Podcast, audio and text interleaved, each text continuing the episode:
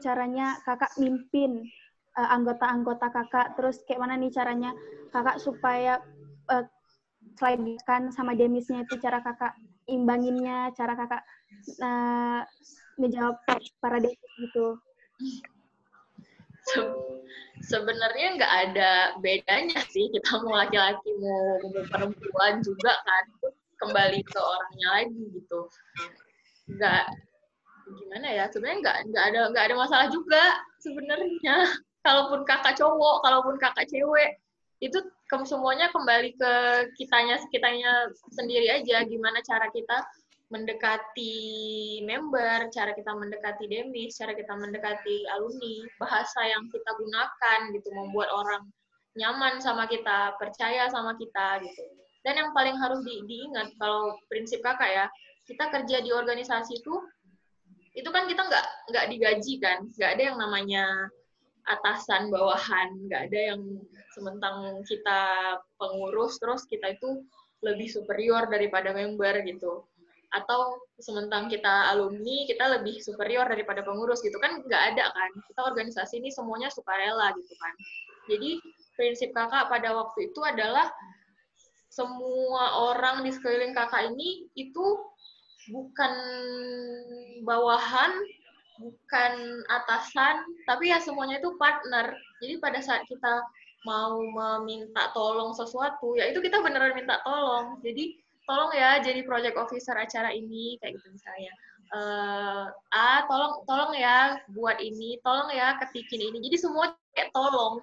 Karena kita semua ya ya memang saling ada yang uh, atasan bawahan gitu kan. Nah gitulah approach yang kakak pakai pada saat itu ke, se ke semua orang mau itu member mau itu local board mau itu alumni demis. Itu semuanya ya partner kerja orang-orang yang nggak kita bayar untuk berada di organisasi ini gitu. Semua kita pendekatannya itu pendekatan kekeluargaan semuanya pakai tolong. Gitulah kurang lebih gotong royong lah semuanya kita di organisasi ini mudah-mudahan bisa sih semuanya dideketin dengan baik.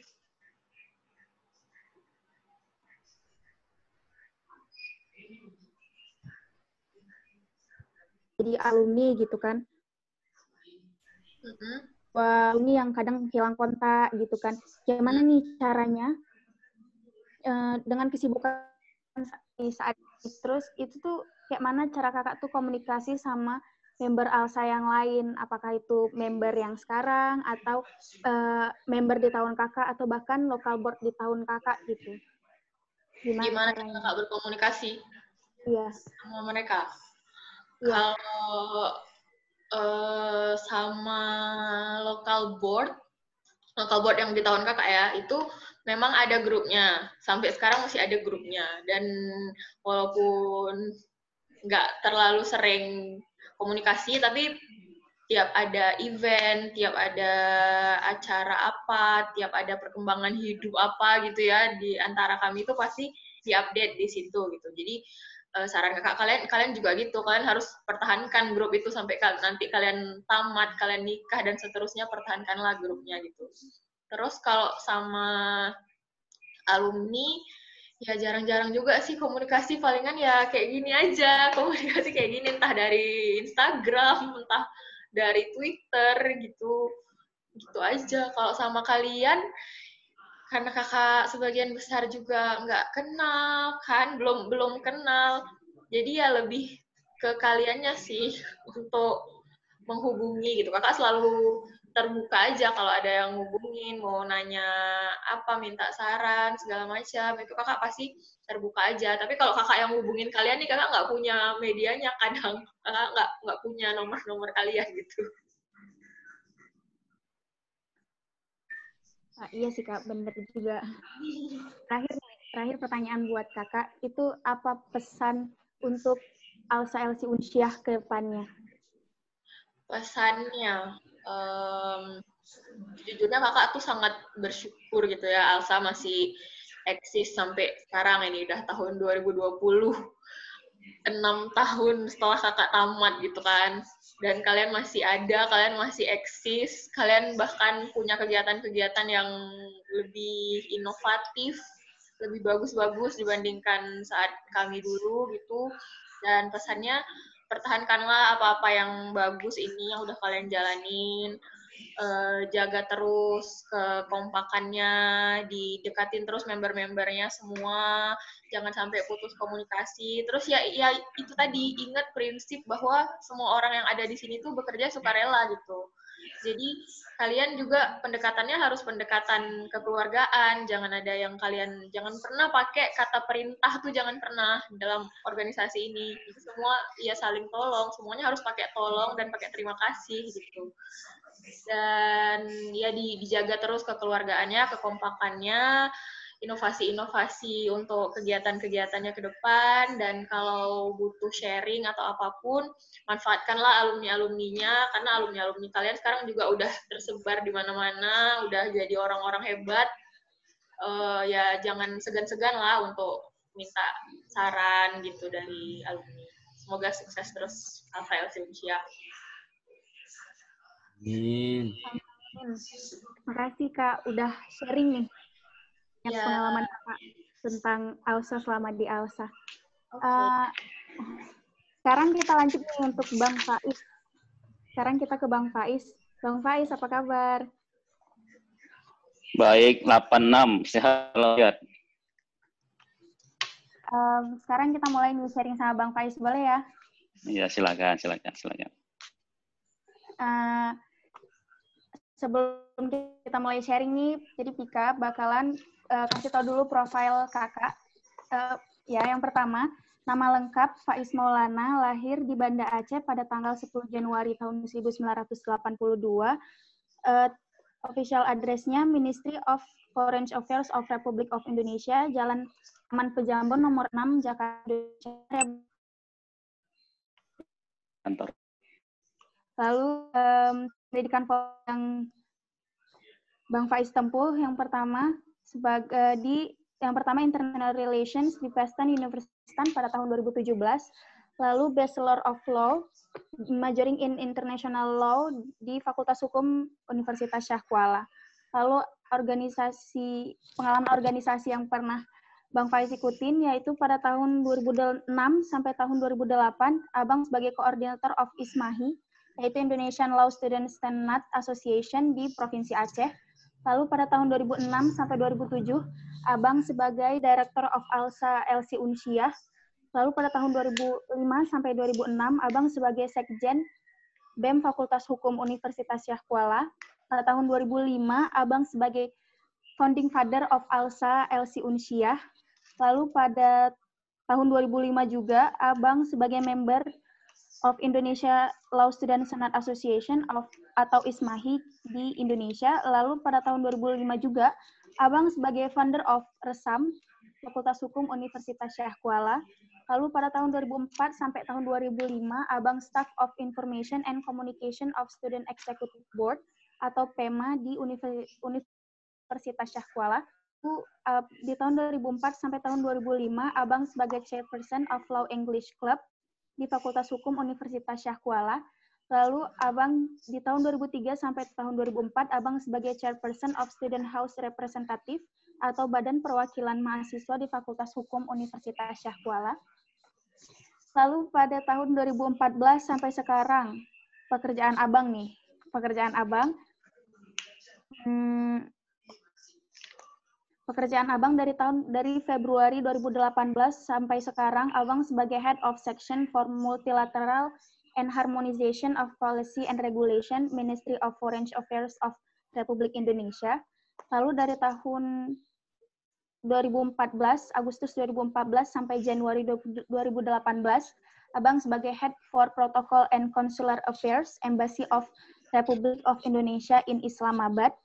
Lalu dari tahun 2014 sampai sekarang, Abang sebagai Head of Protocol and Consular Affairs Indonesian Embassy di Islamabad, lalu 2011 sampai 2014, Abang Staff of Directorate for Protection of Indonesia Citizens and Legal Entities Abroad, Ministry of Foreign Affairs, lalu dari tahun 2010 sampai tahun 2011, Abang Staff of Director of International Agreement Ministry of Foreign Affairs, lalu dari tahun 2009 sampai Abang sebagai officer Affairs of the Republic of Indonesia. Lalu dari sampai berdelapan sebagai legal UNP Project Aceh. Dari sampai Mei 2008, Abang stay Culture Anthropology at Law School Universitas Syah Kuala. Lalu dari tahun lalu pada Desember 2007, Abang internship atau AJRC in cooperation between United Nations Development Program UNDP and European Union Law School Universitas Syah Kuala and UIN Araniri dari dari 2007 sampai 2008 junior research at Center of Constitution and Students atau Universitas dari tahun dari Mei sampai 2007 Abang sebagai member of legal consultant team in drafting of a draft of Kanun of Cost Right funded by Koalisi NGO HAM Aceh and Action Aid International. Wow, CV abang panjang ya. Kayaknya organisasi. Habis habis baca CV selesai rasanya. uh, sampai ini ngos-ngosan juga bang bacanya panjang soalnya. Iya, iya, iya. Uh, ini nih, mulai nih ya kita sharing sama abang. Yeah. Kita mulainya dari kan abang nih funding father-nya nih, founder Alsa yeah. Unsyah gitu kan. Kayak mana awal mulanya abang memperjuangkan Alsa LC Unsia untuk bisa bergabung di Alsa Indonesia. Ya, terima kasih uh, moderator ya. Ini hostnya udah kayak mata najwa nih. Kalau saya lihat sekilas kayak mata najwa, tapi kalau abang lihat benar-benar di mata najwa nih yang kayak Vika ini. Baik, sebelumnya uh, uh, salam hormat dulu nih, salam hormat nih ke direktur ya, Evan Maulana, ke Kak Luna terutama ya uh, selamat berbahagia sudah jadi sudah penuh berarti sudah paripurna kebahagiaannya. Kalau sekarang berarti after corona ada yang positif juga nih. Mudah-mudahan Kak Luna juga positif juga ya. Kita doakan sama-sama. Amin. Terus ah, nih aduh hebat nih. Ada Bang Nabi, ada Bang Isbah, ada ada Kak Silviawar. Tinggal Bang sebutkan, pokoknya uh, alumni-alumni yang hebat ini sudah muncul. Terus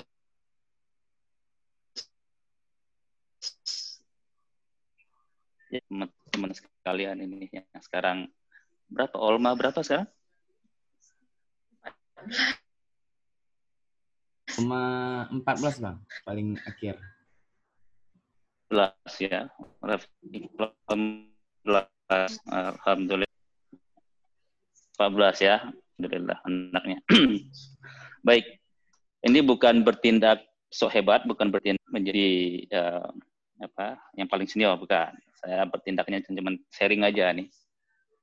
Diperintahkan sama Pak Direktur, Bang Irfan, ya Bang ikut aja, Bang. Kita gini-gini, oh siap. Kami kan apa kata komandan, kita laksanakan. Itu ya Pak Pak Direktur. Hanya eh, apa tadi sampai lupa banget. perjuangan kan, abang. Pertanyaan tadi ya, apa? Ya, perjuangan abang. Hmm, baik baik. Untuk Elsa. Baik, abang cerita sejarah lah, kenapa Elsa gitu ya.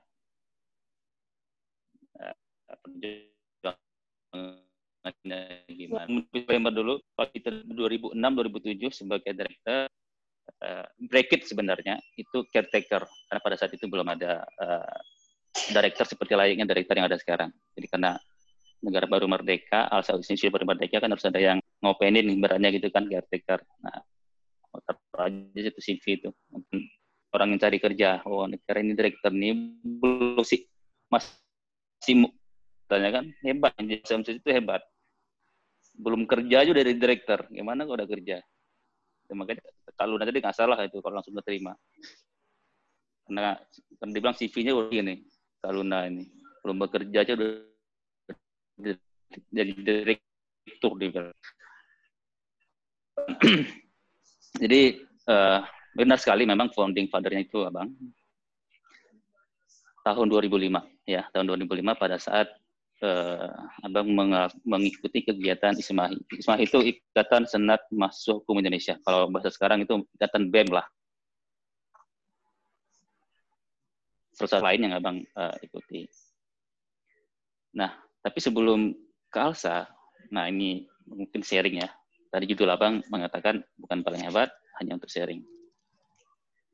Sebelum ketemu Alsa, dengan kondisi di Aceh pada tahun 2005 dan sebelumnya, itu kan sangat tertutup, sangat apa tidak seperti sekarang, jauh berbeda ya. Kita tanda kutip marginal di pinggiran, jauh dari dunia gitu ya, akan di dunia lain gitu. Bang berpikir eh, menginginkan ada kegiatan, ada organisasi yang sifatnya itu jangkauannya luas, nasional dan internasional. Aku punya pemikiran, punya rencana, ingin seperti itu. Kenapa? Karena dengan kalau kalau kita melalang buana, organisasi mahasiswa yang internasional ini pasti akan luar biasa. Karena kan tadi di sebelum sebelumnya disampaikan belum mengikuti atau membuat alsa, bang sudah ada ikut beberapa organisasi ya sudah mendapatkan atau mengetahui atau merasakan karakter organisasinya. Abang ingin apa tantangan lebih ingin lihat dunia lain gitu. Organisasi lain yang lebih besar, lebih luas. Yang sifatnya internasional. Cari-cari nggak ketemu-ketemu tuh. Tapi orang yang punya keinginan, orang yang punya mimpi, dan tetap menjaga mimpinya, dan mengupayakan agar mimpinya itu terlaksana, mestakung, semesta mendukung. Satu saat kamu akan menemukannya. Dan itu terjadi. Secara tidak kebetulan. Koinsiden. Di saat 2005, Abang mengikuti Rapimnas Rapat Pimpinan Nasional Ismahi, Ikatan Senat Masuk Indonesia yang dilaksanakan di Universitas Muhammadiyah Palembang. Abang pergi ke sana mewakili BEM, Fakultas Hukum Unsiah, karena saat itu Abang sebagai sekretaris umum. Abang mewakili BEM pergi ke sana setelah selesai menjelang kegiatan, abang bertemu dengan teman lama, Wahid, satu rating dengan abang tahun 2003. Dia menjadi korban tsunami. Dia asal Palembang. Dan dia kemudian setelah recovery tsunami, dia pindah kembali ke Palembang dan masuk ke Universitas Sriwijaya. Abang silaturahmi ke rumahnya. Dan di rumahnya itu, di cerminnya, abang ingat persis di pojok kiri, abang lihat ada stiker. Pada saat itu Alsam masih ASEAN, ASEAN Law Students Association. Saya bilang, oh, hit, keren nih, apa nih? Dia bilang, ini organisasi ini, hukum, ASEAN. Oh, kok kita nggak tahu ini di Indonesia? Ini di Indonesia ada? Ada, waduh. Kalau gitu gue mau ketemu nih. Aku mau ketemu, bilang, ketemu sama pengurusnya. Aku mau tanya-tanya, aku mau juga ada di Aceh, ada di Unsia. Ada di kudus kita. Kan ini yang aku cari-cari. Nah, oke okay, dia bilang besok kita ke Unsri. Nah, setelah itu besokan harinya setelah acara kegiatan abang selesai di Muhammadiyah Palembang, abang pergi ke Universitas Sriwijaya, Fakultas Hukum, ketemu dengan para pengurus local boardnya LC Unisia. Maaf, LC Unsri. Ngobrol-ngobrol, cerita, tanya banyak hal bagaimana caranya apa ini dan segala macam. Ini ada oleh-oleh waktu abang melakukan perjalanan ke Palembang. Singkat cerita, kita di, harus mengikuti banyak kegiatan. Jadi diberitahukan kan proses dari awal kita mengikuti kegiatan ALSA itu dua tahun untuk kemudian kita bisa ditetapkan sebagai member ALSA nasional. Dan itu dan selama dua tahun tersebut kita harus mengikuti kegiatan-kegiatan yang dilakukan oleh Alsa Nasional. Kalau sekarang setiap ada kegiatan relatif mudah ya untuk dapat uh, supporter, terutama dari orang tua, dukungan dana finansial. Tapi kalau saat itu ya kita susah, kita harus kreatif dan uh, abang mendekati teman-teman yang super kaya lah, yang punya banyak duit untuk pergi mengikuti kegiatan-kegiatan. Kalau abang punya kemampuan, punya kemudahan, abang juga pergi. Semata-mata keinginannya agar LC agar Unsia khusus kita menjadi member. Jadi semua kegiatan-kegiatan yang dilakukan oleh uh, Alsa Nasional, mulai dari seminar segala macam kita harus ikuti dan itu nanti akan dinilai. Sampai direktur nasionalnya, presiden nasional itu datang ke fakultas kita melakukan verifikasi, melihat, meninjau langsung apakah kita layak atau tidak. Dan pada saat Monas di Manado ya, Samratulangi, akhirnya kita diterima menjadi member yang 13. Itu kira-kira mungkin perjalanan dan kalau perjuangan ya persis kalau abang menganalogikan seperti Indonesia merdeka. Ya kita belum punya apa-apa. Yang kita punya cuma satu. Semangat 45 nah itu. Yang semangat 45 apa aja kita bisa kerjakan? Keterbatasan tantangan justru menjadi uh, challenge untuk kita bisa menghasilkan apa yang kita inginkan. Di tengah keterbatasan. Ya itu kira-kira uh, apa namanya Rafika.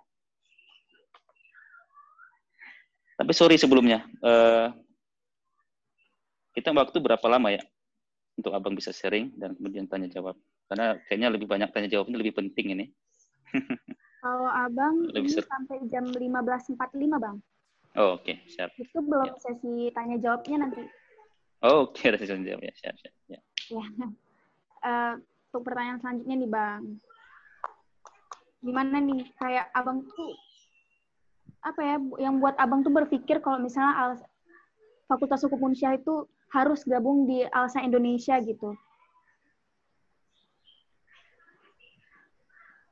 Pandangannya sama uh, dengan sebagai individu ya. Dia selalu menganalogikan individu, keluarga, negara, masyarakat. Itu karakternya sama. Kita mau yang baik, kita mau juga baik seperti orang lain, dan kalau bisa lebih baik. Dan kita nggak mau susah. Benar kan ya? Nggak mau satupun kita ini yang sekarang masih kuliah, teman-teman, atau bahkan sekarang mungkin alumni, mau susah, nggak akan ada yang mau. Kita mau semua mau senang. Kita semua mau bahagia. Kita semua mau dapat kerja. Kita mau semua dapat uang. Mudah. Pertanyaannya bagaimana caranya? Gitu ya. Kalau pikir gimana caranya supaya aku bisa make sure nanti setelah kuliah aku bisa seneng bisa uh, dapat kerjaan atau bisa dapat penghasilan atau apa pun yang membuat aku nih bermanfaat bagi orang lain. Salah satu caranya adalah berorganisasi. Bukan hanya sekedar berorganisasi, tapi berorganisasi di tempat yang baik dan berorganisasi dengan cara yang baik. Abang sampaikan tadi sudah banyak mengikuti banyak organisasi sebelum ketemu Alsa. Nah, abang pingin satu yang belum terpenuhi. Jadi kalau dari sisi militansi, dari sisi turun ke jalan, mengangkat toa, teriak, mendengarkan keluhan rakyat, kemudian kita berdemonstrasi, kita mendapatkan di BEM. Mendapatkan di PEMA. Jadi kita langsung merasakan denyut resah masyarakat. Tapi untuk yang sifatnya kalau saat itu atau boleh sekarang disebut yang membuka wawasan internasional menggunakan pendekatan bahasa Inggris. Nah, bahasa Inggris, kuncinya itu bahasa Inggris. Keywordnya, apa belum ketemu? Belum menemukan organisasi yang ke situ tuh yang ada membuka wawasan internasional, pendekatan dengan bahasa Inggris. Karena hemat abang bahasa Inggris akan penting. Salah satu elemen penting yang menurut abang menjadi alat kita untuk bisa sukses. It's something bukan everything ya, itu sesuatu tapi bukan segalanya. Tapi kalau kita punya itu akan punya nilai lebih dibanding orang lain. Nah, abang itu mau ada di fakultas hukum, ada di diri abang, ada di diri fakultas. Abang bayangin kalau saat ini abang saat kuliah bisa melakukan kegiatan seminar nasional, maka aku ingin generasi berikutnya itu harus lebih baik dari generasi sekarang. Maka generasi abang berikutnya itu harus bisa melakukan seminar internasional. Harus naik levelnya supaya itu memberikan manfaat juga ke uh, kita. Dan ini menyinggung sedikit ya sembari mengop mengoptimalkan pertanyaan ini. Kalau kita kerja itu profesional, ya para alumni sekarang yang sudah bekerja itu profesional. Akhir bulan gajian, dia bekerja, kita dibayar. Kalau lawyer itu bayarnya per jam Oke, nah itu kalau di legal legal, eh, legal consultant di Jakarta, bisnis wah luar biasa. Pokoknya orang yang bekerja itu profesional, dia dibayar. Tapi organisasi kemahasiswaan itu sama-sama bekerja, prinsipnya sama. Kita sama-sama bekerja, tapi satu kita nggak dibayar, kita amatir. Tapi apa yang kita kerjakan pada saat mahasiswa di organisasi itu juga yang kita kerjakan di di pekerjaan profesional nanti. Jadi kalau ditanya oleh pencari kerja kan selalu itu pengalaman kerja apa? Ya pengalaman kerja di organisasi itu pengalaman kerja. Jadi kesempatan baik untuk mendapatkan pengalaman kerja di organisasi karena itu akan menjadi modal untuk bekerja profesional untuk mendapat gaji. Ya pada saat sekarang sih kalian nggak ada gaji, gajinya cuma dari uh, para alumni lah senyum semangat ya, ayo bisa gitu gitu-gitu. Itu lebih kurang. Uh,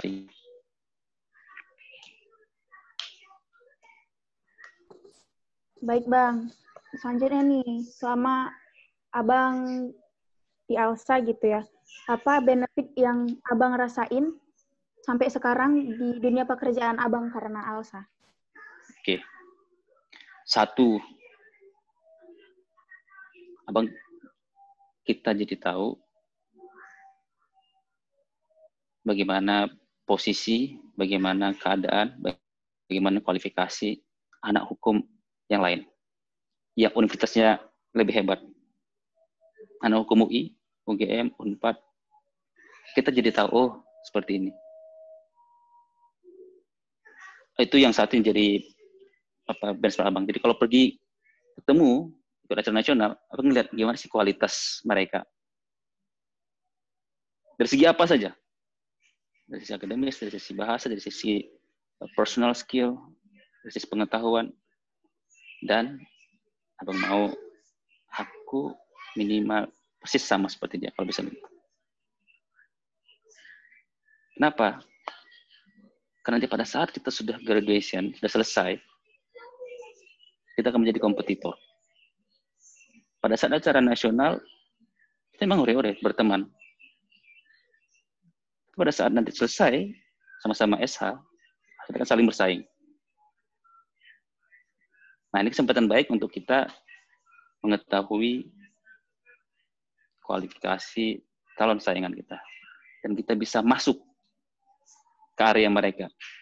Kita bisa pergi ke Jakarta, kita bisa pergi berkompetisi mencari rezeki kita ke Amerika, ke mana saja. Yang penting kita punya kualifikasinya kita punya standarnya. Kalau standar itu sudah kita penuhi dan kita lebihkan, ada yang perlu ditakuti. Nah itu. Ini persoalan ini mungkin ke teman-teman sekalian ya yang masih kuliah ya. Kalian akan banyak ketemu cerita nilai-nilai dari para alumni, nilai-nilai baik banyak sekali nanti. Yang ini ya, kalau kalian tulis bisa sampai 100 kali pesan abang dari proses pembelajaran yang melakukan kalau nggak bisa kalian lakukan semua jangan sampai juga enggak semua. Targetnya lakukan hal-hal baik yang kalian temukan. Jadi kalau abang menanalogikan seperti ini kalau yang suka bola ya Cristiano Ronaldo hebat. Si Lionel Messi itu hebat dengan skillnya. Ronaldo itu hebat dengan powernya timingnya jumpingnya kalau kita mengambil batasan dari masing-masing yang mereka punya, enggak kita akan menjadi super hebat. Itulah yang menjadi tantangan untuk teman-teman sekalian. Ambil semua yang hebat-hebat, yang bagus-bagus, aplikasikan, jadikan itu diri kalian. Nggak akan, jadi hebat, nggak akan khawatir kerja. Itu, ya Rafika. Kalau dari sisi lawyer itu ada Bang Safri ya, bagus-bagus. Hmm. Kalau boleh tahu, apa impact terbesar di Al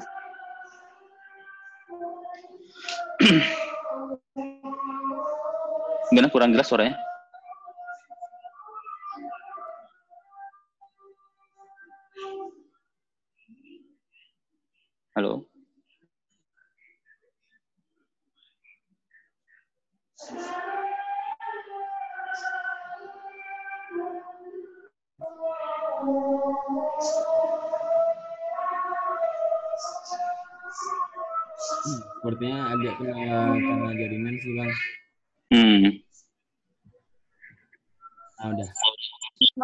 Tadi sinyalnya agak jelek. Ulang Oh, ya, kena corona juga. Jadi bukan kita aja kena corona, China juga kena corona ini. Pertanyaannya saya ulang Bang ya. Ya. Apa impact impact terbesar yang Abang dapatin dari Alsa sampai Abang bisa sukses kayak sekarang? Yang jelas eh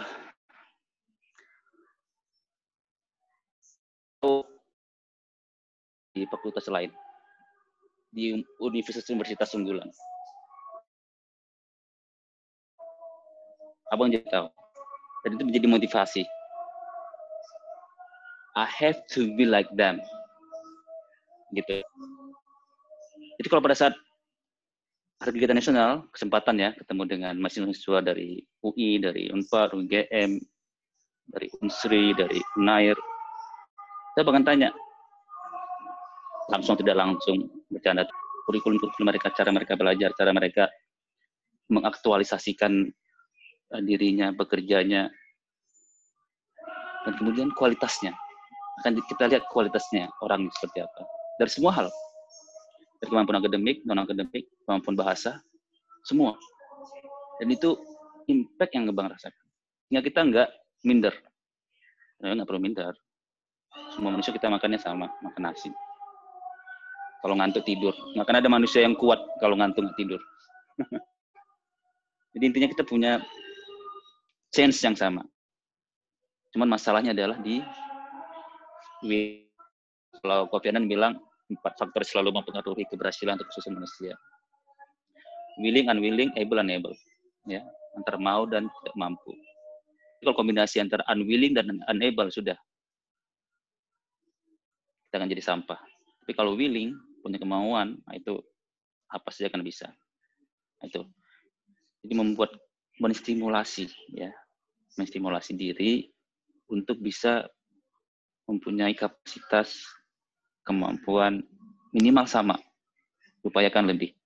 Tapi kerjanya harus lebih berat. Itu impact-nya kalau nggak abangnya. Itu belum bicara yang internasional ya, itu baru nasional.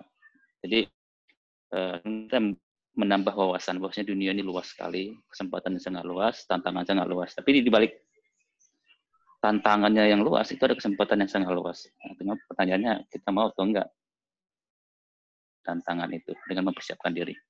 Nah, itu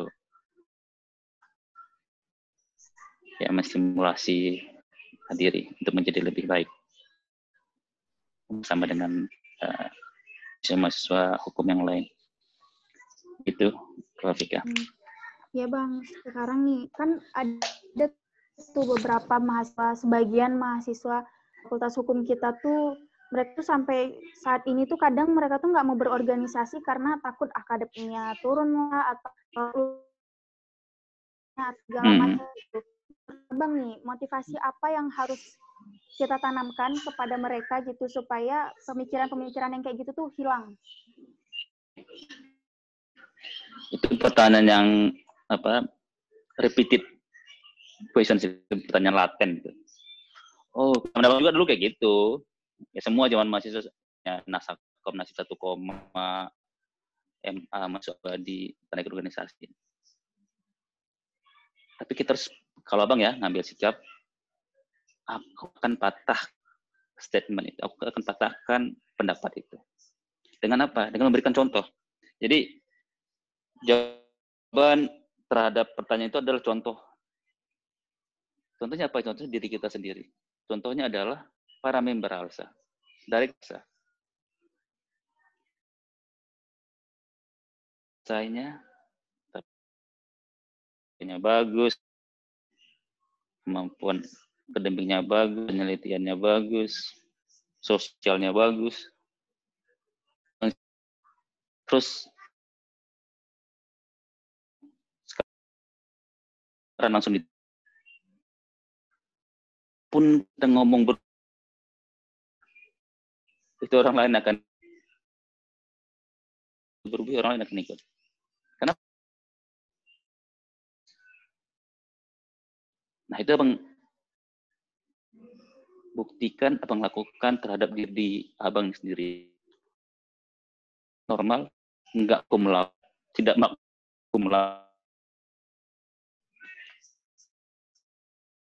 tapi yang normal itu baru kita berada masa amatir tadi di masa langsung sudah bisa diterima langsung bisa adaptif langsung bisa kalau bahasa sekarang itu ngegas.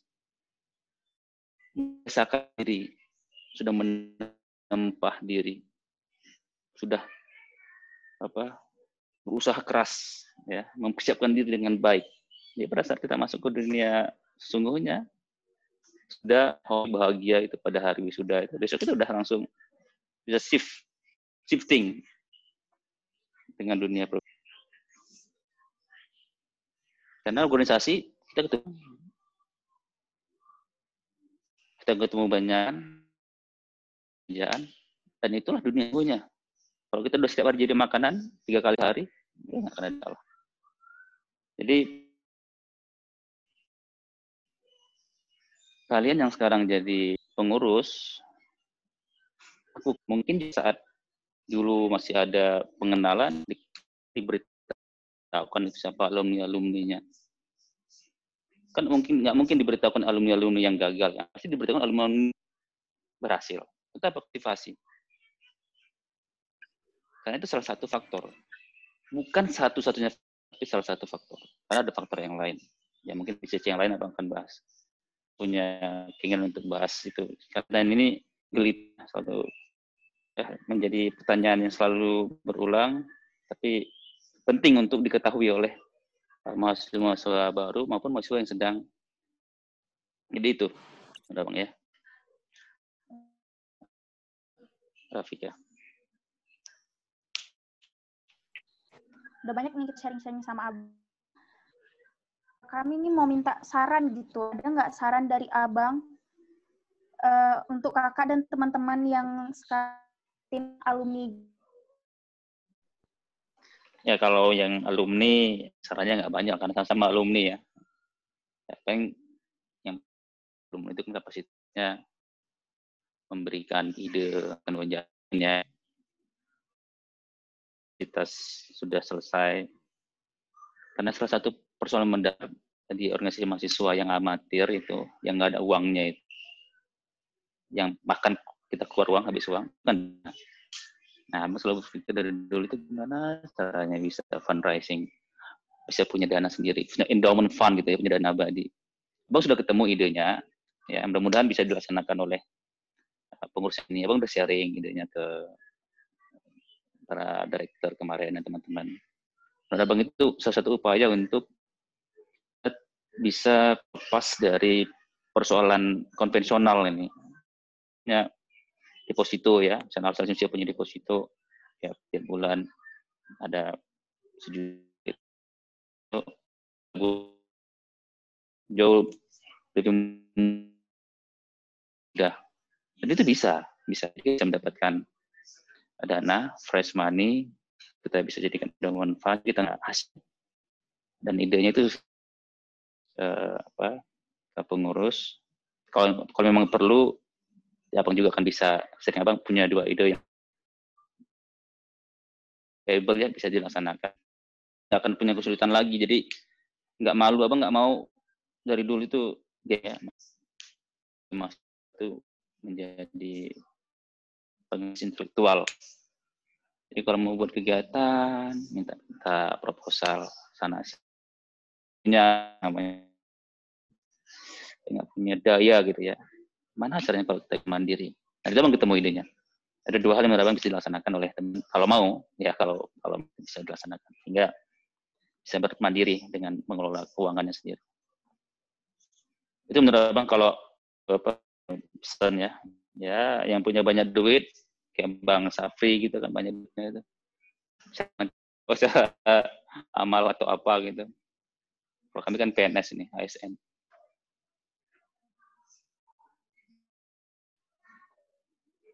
Gitu Rafika. Ya Bang, nih terakhir nih sebelum kita masuk ke sesi tanya jawab buat Bang Faiz sama Kak Luna. Hmm. Uh, pesan dan harapan Bang Faiz untuk Alsa Elsi Unsyah ke depannya. Teman-teman yang lagi kuliah sekarang. Optimalkan setiap waktu hari yang ada pada saat kan kuliah. Kita nggak tahu nanti betapa berharga kalian jalani. Mungkin terasa panjang, udah empat tahun, baru baru semester dua, oh baru semester enam, oh udah mau skripsi. Bang bilang persiapkan di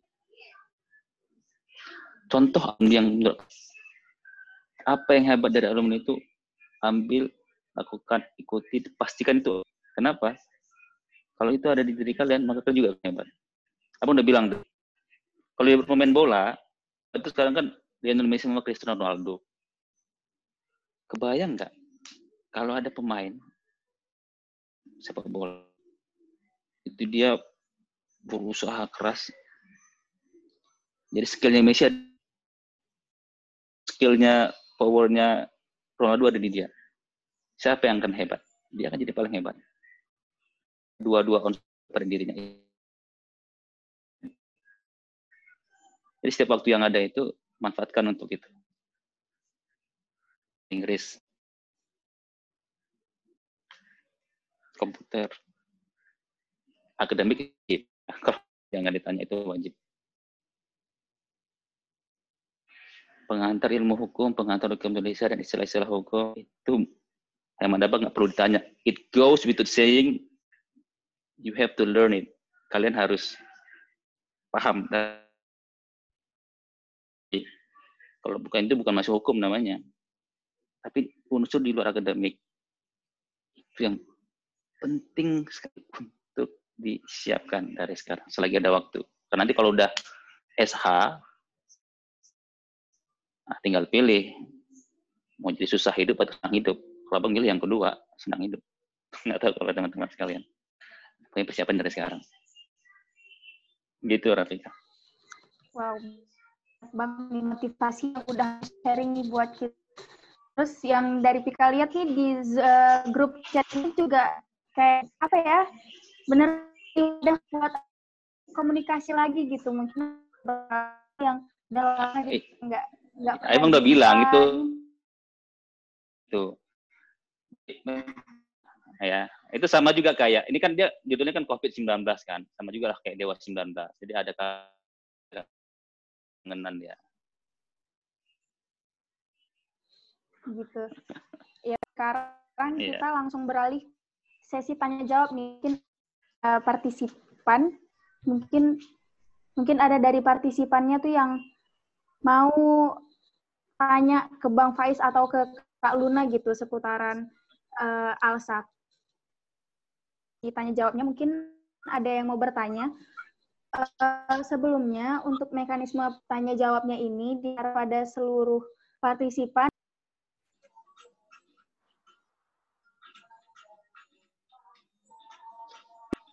mereka uh, kalian ingin bertanya baru setelah itu uh, saya sebagai moderator moderator mempersilahkan baru sesi tanya jawab akan dibuka.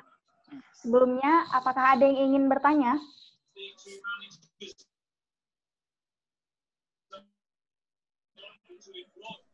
Tanya lah, dek. Jarang-jarang kita kayak gini. Tanya aja. Kalau kalau kalian tanya biar abang yang nanya. Tapi kalau abang yang nanya bayar lah, kenal soalnya. Si amatir. Boleh. Kak. Silvi, kok Kak Silvi sih yang nanya? yang adik-adik lah ya. Ya, ya. Ya, gimana?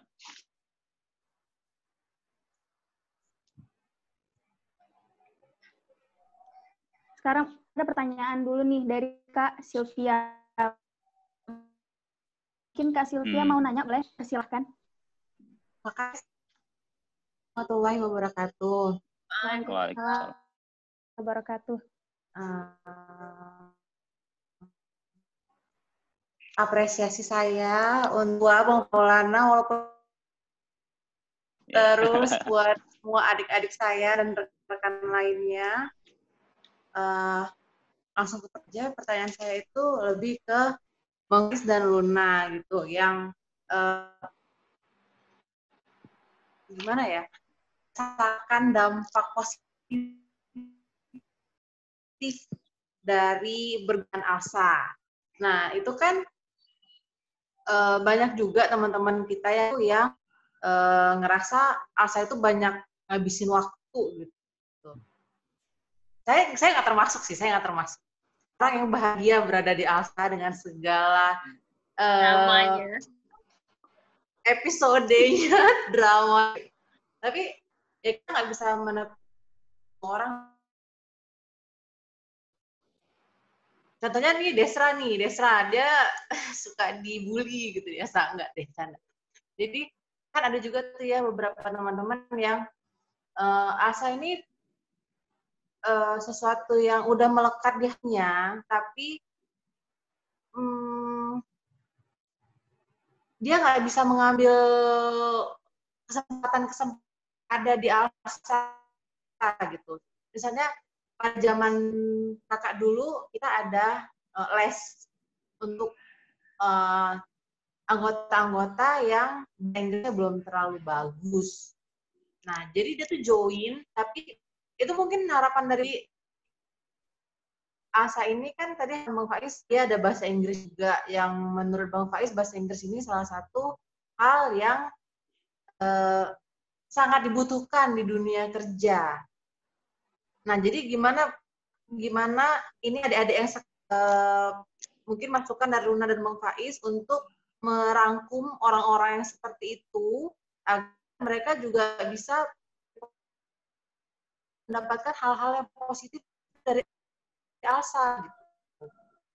Gitu. Tadi Luna sudah memberikan masukan eh, zaman Luna dulu seperti apa gitu. Nah, Bang Faiz juga sudah banyak memberikan eh, nasihat dan pengalaman-pengalaman Bang Faiz. Tapi mungkin zaman yang sekarang ini memang udah ba- banyak banget hal saya yang Alsa. Tapi kekhawatiran saya karena di zaman saya dulu ada tuh orang yang organisasi yang dianggap elit sehingga mereka-mereka yang tidak menganggap diri mereka elit mereka tidak tidak melihat Alsa ini secara positif gitu mereka bergabung mungkin hanya karena teman mereka ada di sana tapi karena masuknya juga udah dengan pemikiran yang tidak positif, mereka tidak bisa mengambil hal-hal positif yang ada di Alsa. Nah, mungkin Luna dan Bang Faiz bisa membantu adik-adik yang merubah pola pikir negatif itu agar mungkin sampai sekarang Alsa itu masih dianggap organisasi elit. Who knows, ya kan? Nah, itu aja sih. Makasih ya. Assalamualaikum warahmatullahi wabarakatuh. Waalaikumsalam Kak Fi. Waalaikumsalam.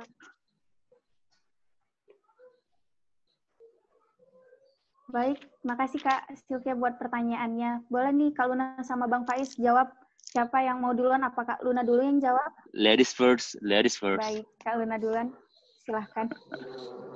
Em, sebenarnya dari pengalaman dulu waktu jadi direktur itu memang uh, banyak yang seperti yang Kak Silvi bilang itu banyak juga gitu ya yang anggap Alsa itu organisasi yang ngerasa dia gabung di Alsa tapi nggak dapat apa-apa. Itu sebenarnya uh, gimana ya tergantung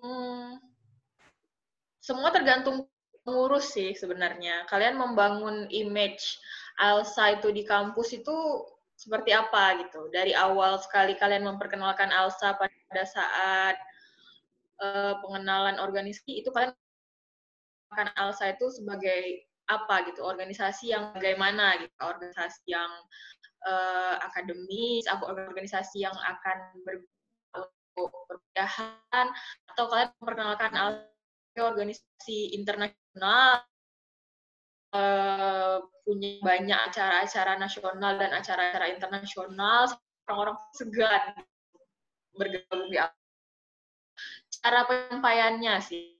Kalian menyampaikan Alsa itu sebagai organisasi yang gimana gitu.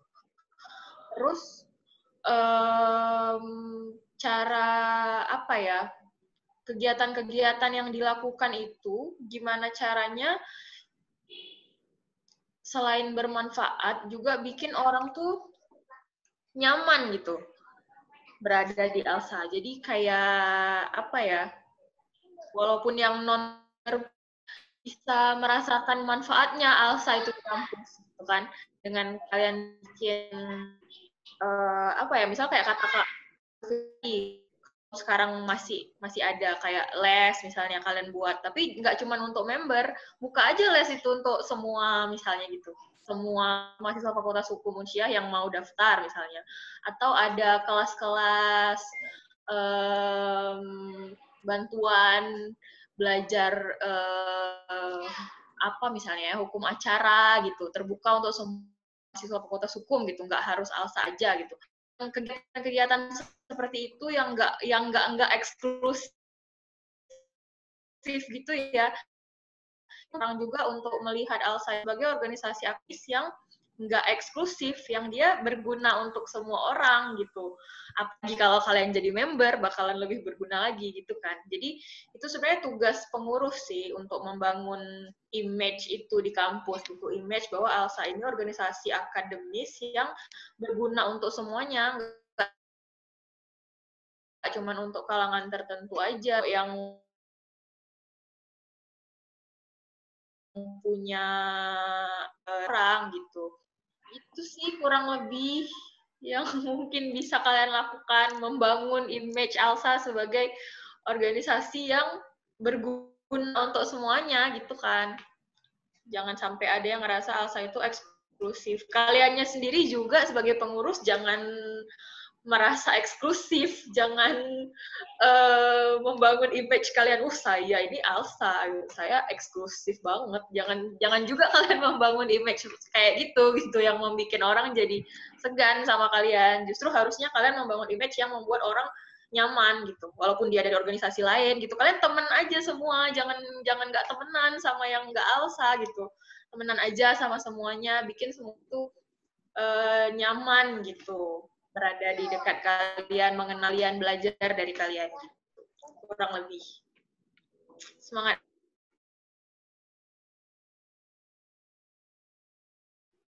Bang Faiz, Bang Faiz boleh kasih pendapatnya? Siap Bu, kalau Ibu perintah apa yang nggak boleh? Bu Rafika jadi gini ya, uh, image ya, image atau impresi itu nggak terbantahkan kita mau jungkir balik pun image orang terhadap image kita terhadap orang itu sudah ada ya. Itu akan terbantahkan. Persoalannya kan kita merasa terbebani nggak dengan image itu? Satu. Yang kedua tadi penting ini, penting penting pentingnya niat niat niat. Lu masuk alfa apa nih? Lu masuk alsa niatnya? Alsa ini mau itu dulu mau jadi member, mau jadi director, mau jadi apa pun, in Alsa right now, you have to think that aku mau jadi Alsa, Alsa untuk apa? Kalau tadi kalau tangkap ya untuk memberikan kebaikan baik bagi diri maupun lingkungan, terutama lingkungan kampus, kampus hukum, kemudian universitas dan so forth, so forth gitu ya. Nah, kenapa image Alsa sekarang kesan eksklusif, kemudian uh, apa high class, if I may say, kalau boleh bilang. Satu, karena memang karakter kegiatan dan seremonial kegiatan cenderung jas, ada rapi-rapi begitu kan, pakai dasi. Emang BEM ada. Emang belum pernah ketemu memang organisasi lain hukum ya. Abang tuh ikut Ismahi, Ikatan Senat masuk ke Indonesia, katanya BEM itu nggak ada. Orang melihat, ini kayaknya wah banget gitu. Ini kayaknya out of the blue. Ini kelas-kelas uh, ini nih Titanic ini orang-orang di Alsa ini. Nah, sangat bagus challenge. Ini challenge ke kalian ya. Yang ini, ini real challenge ini. Untuk mematahkan atau paling enggak untuk memberitahukan ke orang bosnya eh gue nggak seperti yang lu kira loh gitu. Aku juga ya, aku juga anak menang hukum manusia yang punya niat yang sama untuk mendiri membangun fakultas, mempersiapkan diri untuk kemudian nanti sama berkompetisi mencari pekerjaan. Asah kreativitas penyaan di diri kalian, apa kegiatan yang menurut hemat aku itu bisa bermanfaat bagi diriku, bagi fakultas, bagi orang banyak. Tadi waktu si Raffi nanya, abang ketemu nih. Juga dulu abang pernah tapi belum, belum sempat dilaksanakan. Ya, abang challenge lah kalian kalau, kalau berkeinginan ya. Karena tadi satu image terlalu tinggi, uh, pakai dasi segala macam lah itu acaranya nasional, internasional, bla bla bla. Maka harus ada penyeimbang. Sederhana caranya apa tuh? Kalau aku ngusulin ya, abang ngusul bersih bersih kampus deh. Jadi sebulan sekali Alsa, LC Indonesia bersihin kampusnya sendiri, fakultas hukum bawa sahabat. Jadi kayak kedang gotong royong. Nah, setelah itu ke kampus yang lain, ke fakultas ekonomi, fakultas FKIP, fakultas. Jadi kan itu habit baru. Itu kegiatan yang nggak perlu banyak uang, tapi impresinya luar biasa. Bersih-bersih gitu. Mungkin cuma biasa. Bagi diri kalian. Kan menurut abang itu sangat ah ini penting bagi yang ngekos. Ah, kos ya, tadi kan mana saya nanya ke Nabila Nabila tolong di polling berapa orang yang ngekos sama yang tinggal? Kita tiga persen ngekos ngekos itu melatih kemandirian bersih bersih itu melatih kemandirian kalian melatih kalian untuk siap menjadi pekerja di dunia profesional itu meruntuhkan ego meruntuhkan apa namanya itu, uff, aku hebat gitu. Kok bersih-bersih itu. Tapi pada bersamaan itu melatih mental. Melatih mental untuk siap bekerja. Kalau dengan orang nggak bagus, hina gitu ya. Tapi bermanfaat. Siapa yang nggak suka bersih-bersih? Atau dibersih-bersihkan gitu ya. Siapa yang nggak suka dibersih-bersihin? Pasti suka.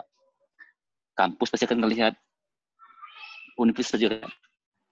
Dan teman-teman akan melihat. Jadi ada manfaat kehadiran Alsa dari sisi eh, bersih-bersih sebulan atau tiga bulan sekali rihlah kalau pada main ke pantai ya bersih bersihin ke pantainya bawa kantong esek dan bersihin jadi kan habit bersih bersih itu jadi kan habit dan itu menurut abang belum ada di uh, akun orang lain oleh eh, yang itu menurut abang ya. Jadi jangan kalau ada apa kapilah apa apa najim ngomong kapilah biarin aja. Kita nggak jadi jangan habiskan energi untuk mengcounter uh, impresi itu, tapi habiskan energi untuk melatih diri dan mencari kegiatan yang kreatif, memberikan manfaat pada diri, pada LC Unsia, pada kampus, pada universitas. Kalau dilakukan, penjamin semua akan senang. Kalau ada apa yang mau dengar, kalau bulan lalu, eh bulan depan, ah, ada bersih-bersih dilakukan oleh Unsia, nggak akan ada yang nggak senang itu senang semua kayak gitu eh Rafika karena kalau di sini dari juhur sampai maghrib ini kalau abang dia kalau abang sebenarnya Ya, Bang. banyak, banyak yang mau dibagi soalnya. Nanti kita bahas seri aja. Ya Bang. Eh, lanjut nih pertanyaan selanjutnya. Tadi dari Direktur Elsa Elsi Misyah kita, Bang Hmm. Irfan katanya mau nanya. Boleh Bang, dipersilahkan. Siap. Wah, Baik, Bang terima Direk. kasih atas moderator, kesempatan dan waktunya yang telah diberikan. Uh, mungkin akan saya efektifkan seefisien mungkin. Uh, mungkin izin bertanya nih, Kak, Bang. Uh, terkhususnya nih, kan uh, kita ada tongkat estafet nih, Kak, Bang. Ada regenerasi yang Hmm. terus berjalan nih. Uh, seiring berjalannya waktu akan terus berjalan. Pasti ada bergantian-bergantian.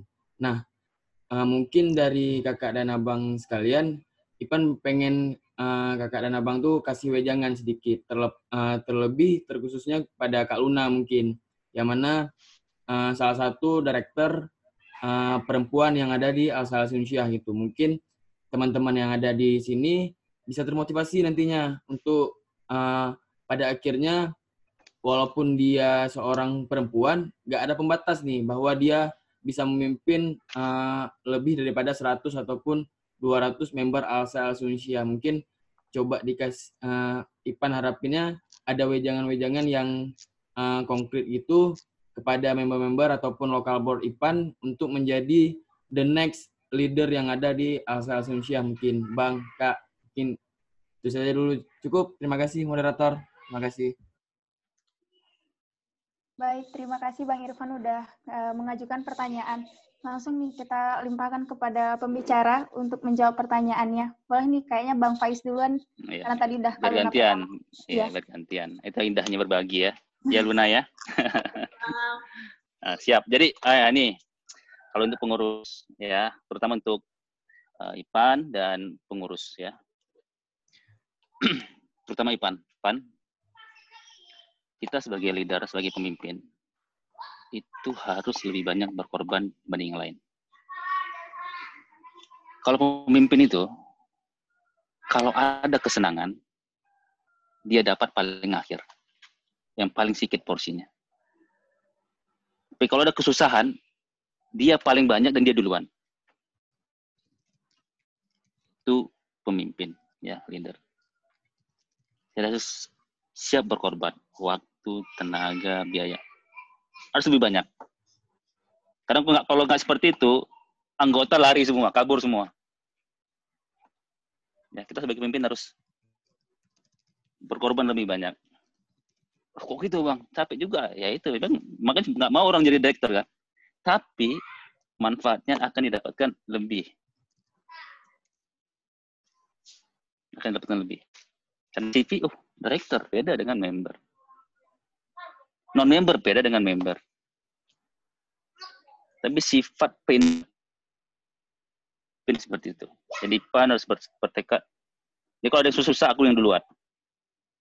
Kalau kerjaan aku paling banyak kerjaan. Tapi kalau ada kesenang-senangan, nah aku dulu belakangan aja, biar anggota-anggota dulu. Kalau boleh anggota-anggota yang baru masuk itu dulu yang dapat dapat senang-senang. Dan cara untuk menjaga guyup ya, menjaga semangat. Jadi kalau ada setiap event kegiatan, ya usahakan ada cemilan lah, makan-makan, goreng. Buat kegiatan bersih-bersih, kita bersih makan sama-sama, rame, pasti akan seru. Itu bah, kehangatan juga. Terus ke IPAN juga, ke pengurus. Itu harus, harus ada yang kita tinggalkan. Harus ada apa ya ciri khas. Oh ini kegiatan apa Astro di IPAN itu meninggalkan ini. Kalau abang dulu berpikir, aku sebelum keluar dari kampus, aku harus meninggalkan sesuatu untuk kampus yang baik. Maka aku tinggalkan, aku buat pembuat alsa, pembuat resam. Menurut hemat abang itu penting untuk diri sendiri maupun kegiatan di kampus. Karena dengan kegiatan tersebut, aku dapat banyak manfaat. Satu, ya bisa buat kegiatan, bisa dapat bisa dapat uang juga. Ya dengan resam, kami dapat uang. Kalau di resam itu lebih banyak uangnya dibanding alsa. Kalau di resam itu kita dapat uang, sampai kita dapat uang. di subsidi silang. Terus bermanfaat untuk orang lain, bermanfaat juga untuk kampus. Karena begitu kita berkegiatan ini nama kampus naik. Kalau di level nasional maka nama jadi aku ya, abang. dan korban.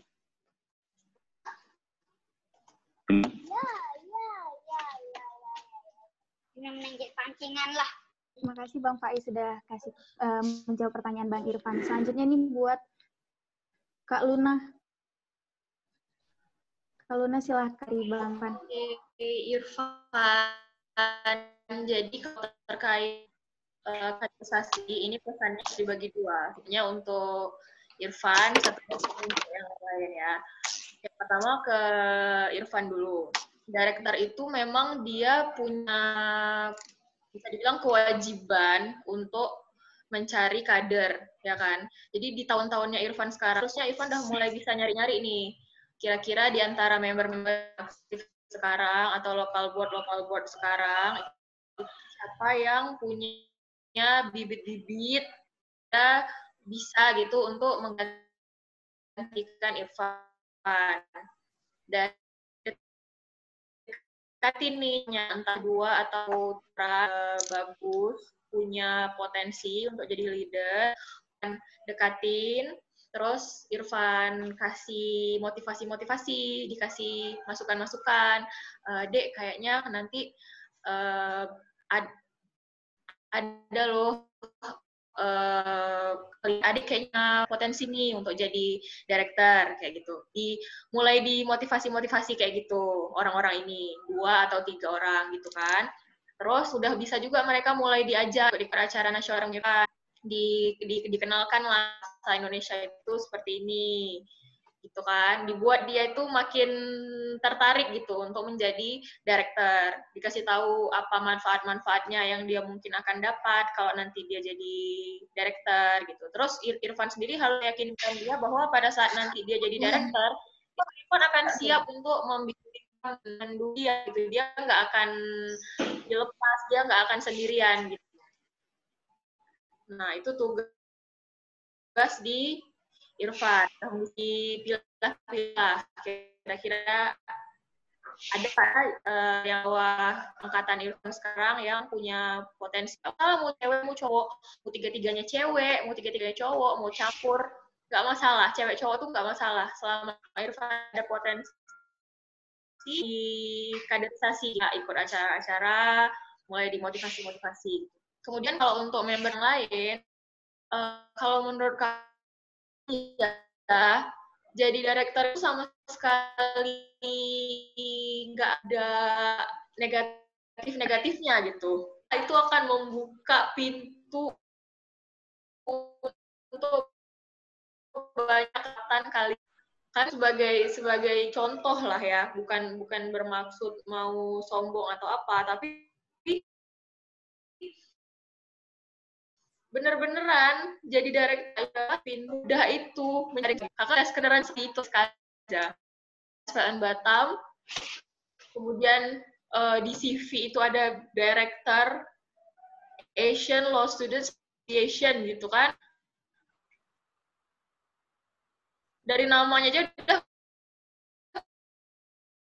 keren kan Syah Kuala menjadi apa ya pintu untuk pertanyaan-pertanyaan. Oh, kamu dulu pernah jadi director ya? Pengalamannya gimana? Itu dulu kamu waktu jadi director itu apa yang pernah kamu lakukan? Permasalahan apa yang pecahkan? Dan itu kalian bisa jawab semua gitu kan? Itu jadi modal modal untuk uh, ke depannya entah kalian nyari kerja S2, entah kalian mau cari beasiswa. Percayalah itu Eh, nggak uh, ada negatifnya nggak ada lah pokoknya. Jadi nggak perlu takut kalian jadi director itu nggak ada nggak akan membuat uh, kuliah kalian terganggu nggak akan membuat masa kalian rusak nggak akan mengganggu lah. Paling sedikit bebannya itu paling kalian harus hadir semua acara nasional. Tapi itu bisa bisa di kali juga bisa diakali dengan ya dari awal kalian memutuskan misalnya nih mau jadi director tahun depan. Berarti dari tahun ini kan udah mulai bisa nabung, udah bisa mulai nyimpan uh, uang untuk itu. Terus kalian udah bisa mulai mendekati orang tua kalian bilang gitu kan, ayah, mama kayaknya tahun depan mau jadi director nih, mohon dukungannya gitu dijelaskan juga ke orang tuanya uh, apa manfaat-manfaatnya pada saat nanti direktur apa manfaatnya untuk uh, masa depan juga gitu. orang tua insya Allah pasti dukung lah kalau untuk ke kebaikan anaknya. Gitu. Jadi sebenarnya nggak ada masalah kalian mau cewek, kalian mau cowok, selama kalian punya kalian merasa kalian punya potensi, kalian merasa uh, ini tuh ada manfaatnya untuk kalian jalani lah gitu. Pasti ada aja kemudahannya, pasti ada aja uh, jalannya gitu. Tapi PR besarnya tetap di Irfan, ya deh. Irfan yang harus mencari bibit itu, Irfan yang harus nyari, Irfan yang harus dekatin, Irfan yang harus motivasi gitu. Carinya dari sekarang, jangan pas nanti udah dekat-dekat mau munas. Dari sekarang udah harus dilihat-lihat, udah harus didekatin, udah harus dikader, diajak ikut ke mana Irfan pergi, biar dia udah tahu lah arahnya gitu kan. Ya kurang lebih gitu deh.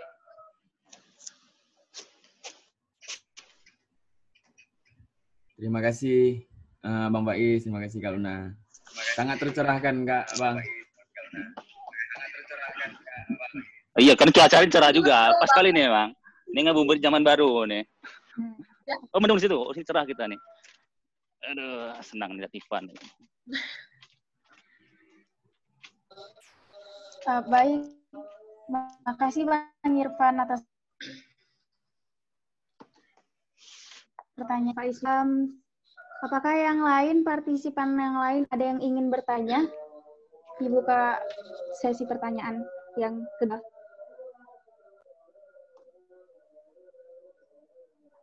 Kalau nggak ada yang bertanya, apa yang menanya nih?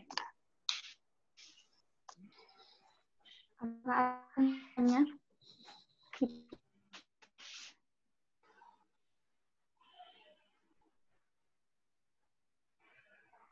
Silahkan.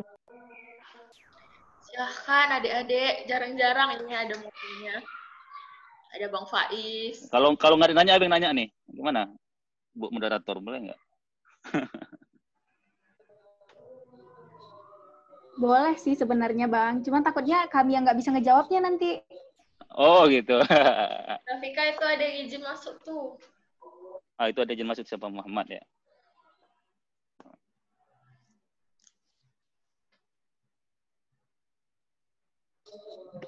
Boleh nih kepada siapa nih? Muhammad. Boleh uh, saya persilahkan untuk bertanya.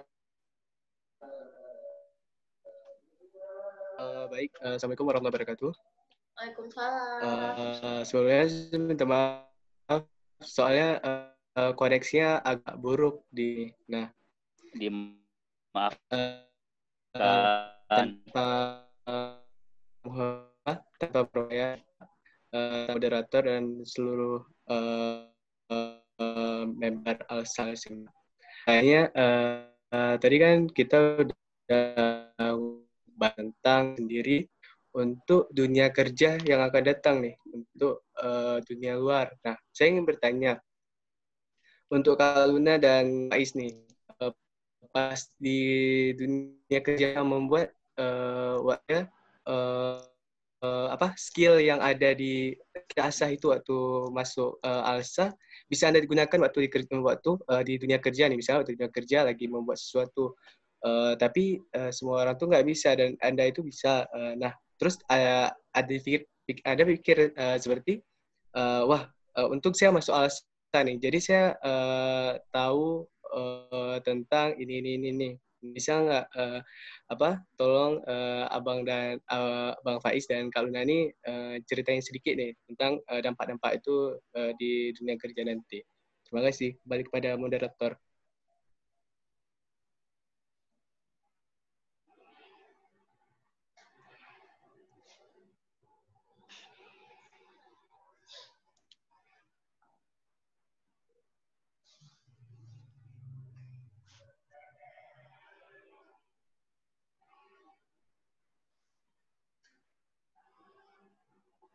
Rafika.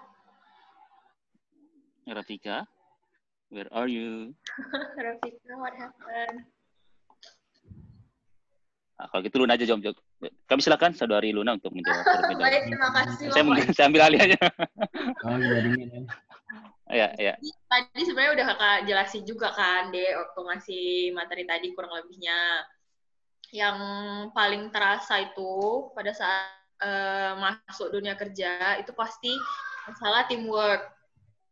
Karena kakak udah terbiasa di Alsa bekerja itu dengan tim, bareng-bareng sama pengurus, bareng-bareng sama member. Kalau menjalankan suatu kegiatan itu uh, ada koordinasinya gitu dikerjain bareng-bareng. Itu pada saat di dunia kerja kita udah nggak kagok lagi. Oh ini memang emang kayak gini ada jalur koordinasi ada jalur komunikasi uh, terus kita bisa memecahkan suatu problem itu bareng-bareng nggak nggak sendiri-sendiri gitu kan. Kita udah terbiasa dengan dengan itu pada saat di Alsa. Jadi pas di dunia kerja itu udah kayak biasa aja gitu kan. Udah kita udah terbiasa dengan itu gitu. Dengan koordinasi dan komunikasi itu tadi. Terus juga di Alsa kan kita juga udah ter, terbiasa juga dengan uh, apa birokrasinya Alsa lah. Administrasi itu kan surat menyurat segala macam kita udah ter, terbiasa dengan dengan itu. Jadi pada saat kerja udah nggak kesulitan lagi. Karena kita udah udah udah udah biasa lah dengan jalur-jalur itu kan uh, surat menyurat itu gimana, administrasi kurang lebih kita kan tahu kan dari dari Alsa dan itu juga berguna pada saat kerja. Termasuk juga di Alsa, kita kan terbiasa kayak gini nih. Uh, terbiasa berkomunikasi kayak gini, terus kita dengan rapat-rapat kita di Alsa, tata krama kita berbicara, tata krama kita rapat, itu semua akan berguna pada saat kita kita kerja. Kita rapat pada saat kerja juga kurang lebih kayak gini. Zoom meeting ya kayak gini juga gitu. Jadi kita udah ter, terbiasa dengan ini semua. Pada saat kerja ya udah udah biasa aja. Ini saya udah pernah alami di Alsa gitu. Uh, kerjasamanya administrasinya tata krama berorganisasinya itu kita udah terbiasa gitu. Jadi pada saat lulus kuliah kemudian kita masuk kerja ya kita udah ada apa ya udah ada bekal lah untuk kita kerja gitu kan. Termasuk juga problem solving. Kita kan di ASA tuh kadang ada masalah gitu kan. Yang um, kalau orang yang kerjaannya sehari-hari cuma kuliah pulang kuliah pulang gitu. Paling ma masalah yang dia hadapi apalah gitu kan. Dia harus med quiz atau dia ada ujian dia yang nilainya jelek paling itu aja permasalahan hidup dia kan tapi di Elsa kan kita punya masalah-masalah lain yang kurang dana lah, yang bikin seminar nggak ada pematerinya lah, yang apalah banyak lah permasalahan kan yang kita hadapi di Elsa gitu. Dan kita jadi belajar problem solving kan. Kalau masalahnya kayak gini, ini penyelesaiannya kayak gini. Kita harus komunikasi kemari, kita harus koordinasi ke sini, kita harus buat rapat, kita harus diskusi, musyawarah segala macam. Kita udah terbiasa dari itu biasa gitu. Jadi pada saat nanti kita menghadapi masalah-masalah kayak gitu di dunia kerja, kita udah punya bekal lah setidaknya itu kurang lebih. Jadi banyak lah manfaatnya kalian di Alsa ini. Pergunakanlah dengan sebaik-baiknya kesempatan yang kalian punya sekarang gitu. Sip. Yeah. Terima kasih Saudari Luna. Uh, sekarang giliran saya. Karena Safikanya kayaknya sedang ada trouble nih dia ya. Oke, okay, Muhammad. Uh, semester berapa sekarang? Uh, baru semester dari semester dua. Semester dua. Oh, semester dua. Good. Uh, you are in the good moment ya. Pas sekali nih. Semester dua itu aduh, ideal sekali. Abang mulai ikut organisasi itu semester satu ya. ya. Dua itu udah bagus. Jadi gini,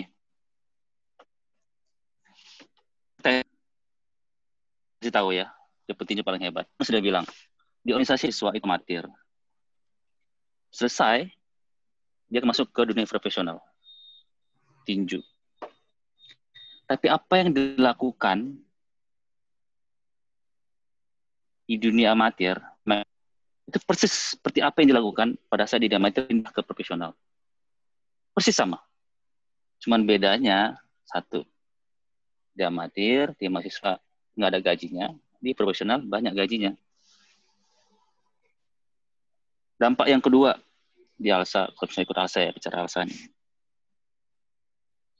Kita nggak akan malu-malu dan nggak akan malu, karena kita berinteraksi dengan segala macam level, mulai dari level setara dengan teman-teman kita, dengan dosen, bahkan dengan teman-teman luar, orang luar. Ingin hari-hari itu kegiatan alasan itu tantangannya lebih. Lebih bilang, kalau zaman abang dulu kalau buat seminar itu seminar nasional atau seminar vokal itu biasa. Abang mau itu ada seminar internasional. Nah, gimana caranya teman-teman buat seminar internasional? Karena challenge-nya akan lebih dan dampaknya manfaat juga akan lebih. Kalau melakukan tindakan yang lebih tinggi dari sekarang.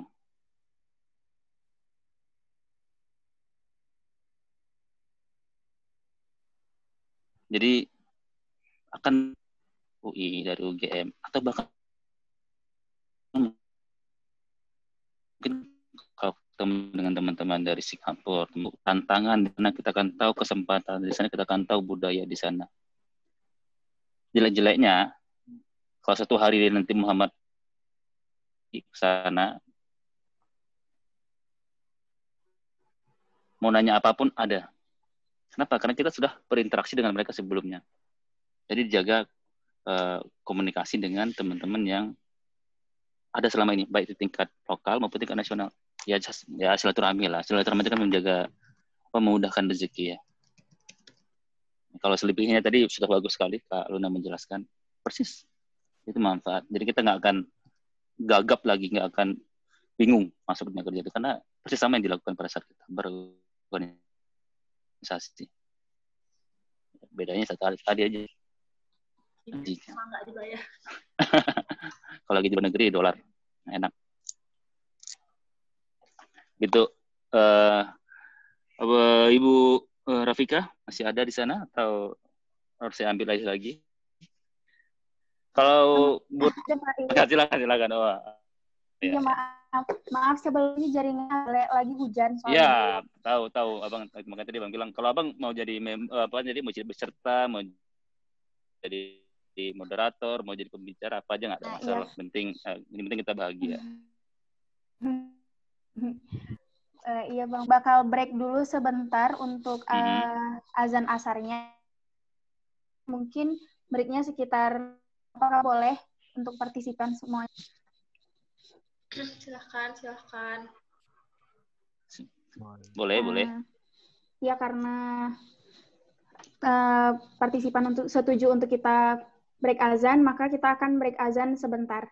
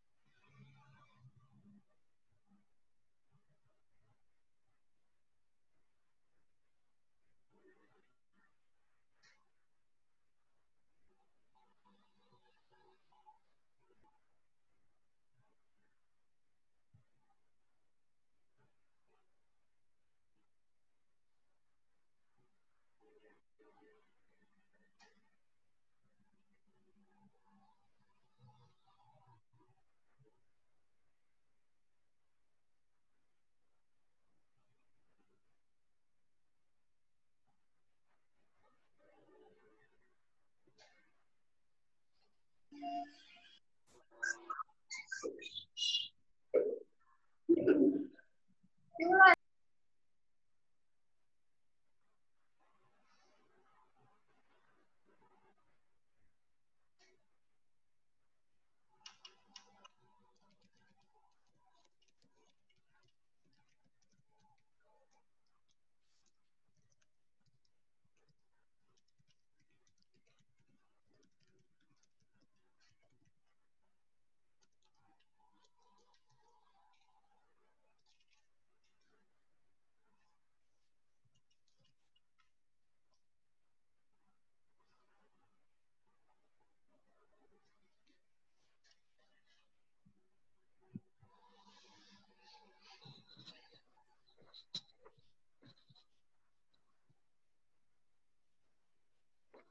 Baik, uh, break azannya sudah selesai. Kita akan masuk ke sesi tanya jawab lagi untuk yang bagian ketiganya, sesi ketiga.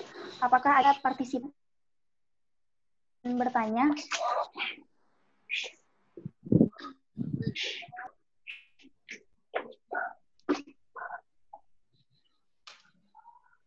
izin bertanya, Bu Moderator? Ya, boleh. Silahkan, Kak Bila. Uh, sebelumnya saya ingin memperkenalkan diri dahulu.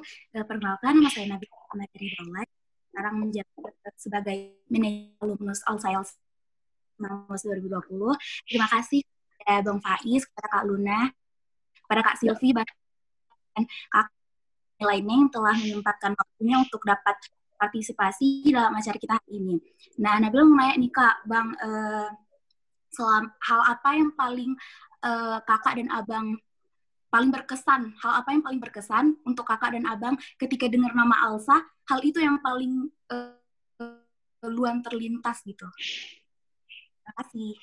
Hmm. Baik, terima kasih buat Kak Bila. Silahkan pada Bang Faiz dan Kak Luna. Siapa duluan yang ingin bertanya? Eh, yang ingin menjawab, maaf.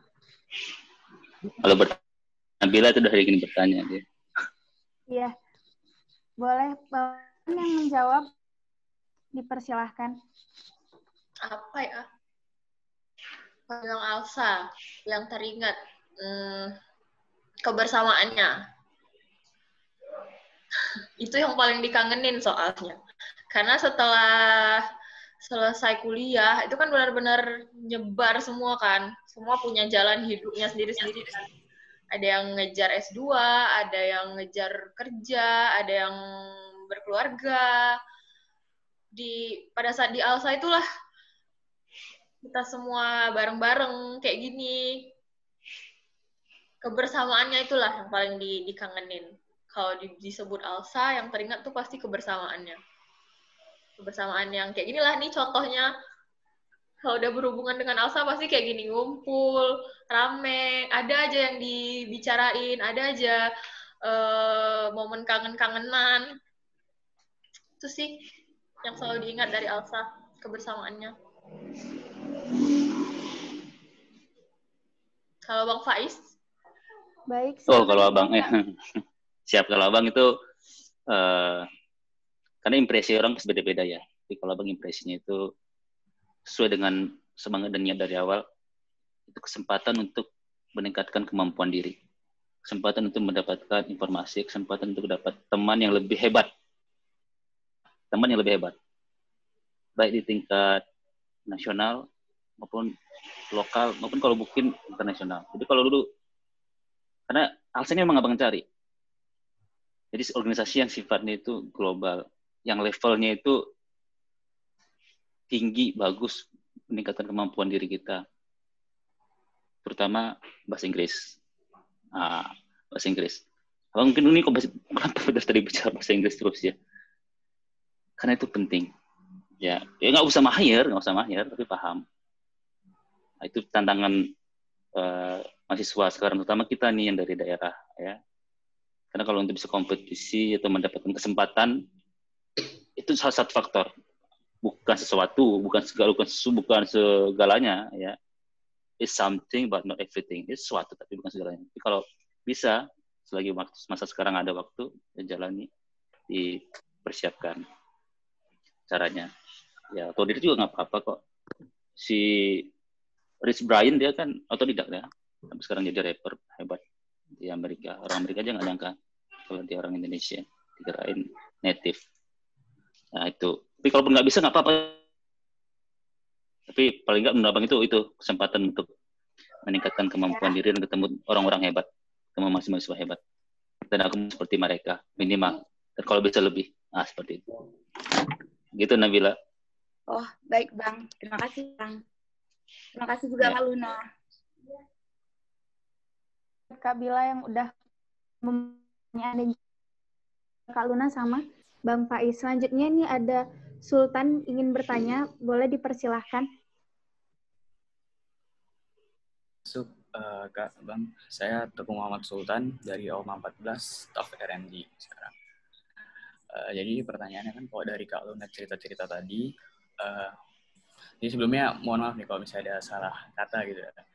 Uh, dari yang Kak Luna cerita-cerita tadi, uh, apa untuk pengalaman apa untuk uh, interview kerja segala macam kan dipermudah mungkin uh, gara-gara di CV-nya ada mantan dir gitu.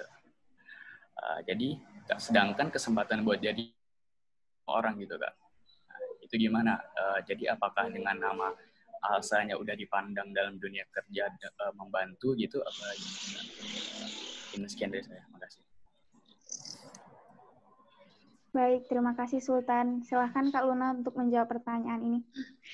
Jadi sebenarnya nggak harus jadi dear sih untuk bisa uh, memenuhi CV kalian itu. Jadi kan yang pada saat nanti interview kerja, walaupun kakak cuma sekali sih pengalamannya ya, tapi pada saat interview itu mereka kan akan buka CV kita kan.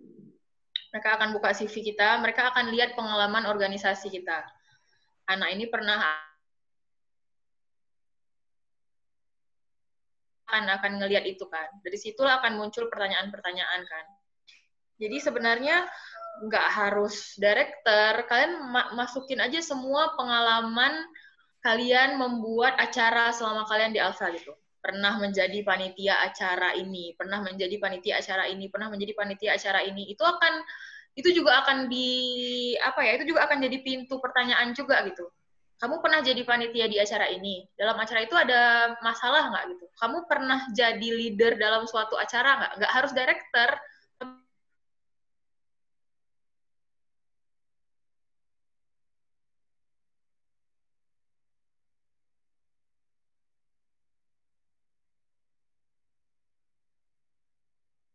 Gitu.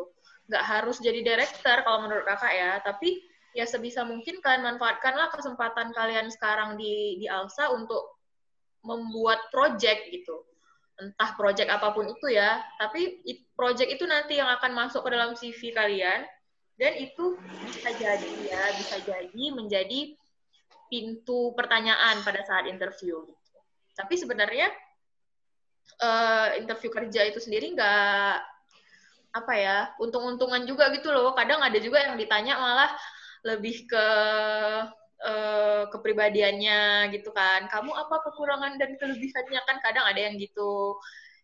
Jadi kayak untung-untungan juga. Cuman ya kalau menjawab pertanyaan Sultan tadi ya nggak harus jadi director. Tapi tidaknya manfaatkanlah waktu yang kalian punya sekarang itu untuk um, apa ya punya skill problem solving tadi tuh loh. Punya skill leadership punya skill problem solving. Jadi beranikanlah diri kalian diri ketua divisi apa ke ke, ke CV kalian dan itu bisa memperkaya pertanyaan-pertanyaan pada saat interview mudah-mudahan tapi lagi uh, keberuntungan kalian masing-masing juga sih gitulah kurang lebih deh. Kalau dari Bang Faiz nih mungkin ada tambahan? Ya, uh, terima kasih uh, Ibu Moderator. Sultan ya, semester berapa Sultan? Uh, semester, dua juga? Semester dua. Semester dua ya, oke. Okay. Tadi ya, kembali dikoreksi kalau bang salah. Jadi nah, tadi uh, terkait dengan kerja berarti manfaat uh, Alsa untuk kerja ya. Kalau Bang Hasan ya, anggap nih. Uh, mungkin uh, kalau misalnya ini lagi, uh, bagaimana Alsa dipandang dalam dunia kerja, Bang? Kalau saya mungkin saya pengen nambahin pertanyaan, terutama di dunia uh, hukum gitu Pak. Hmm. Tadi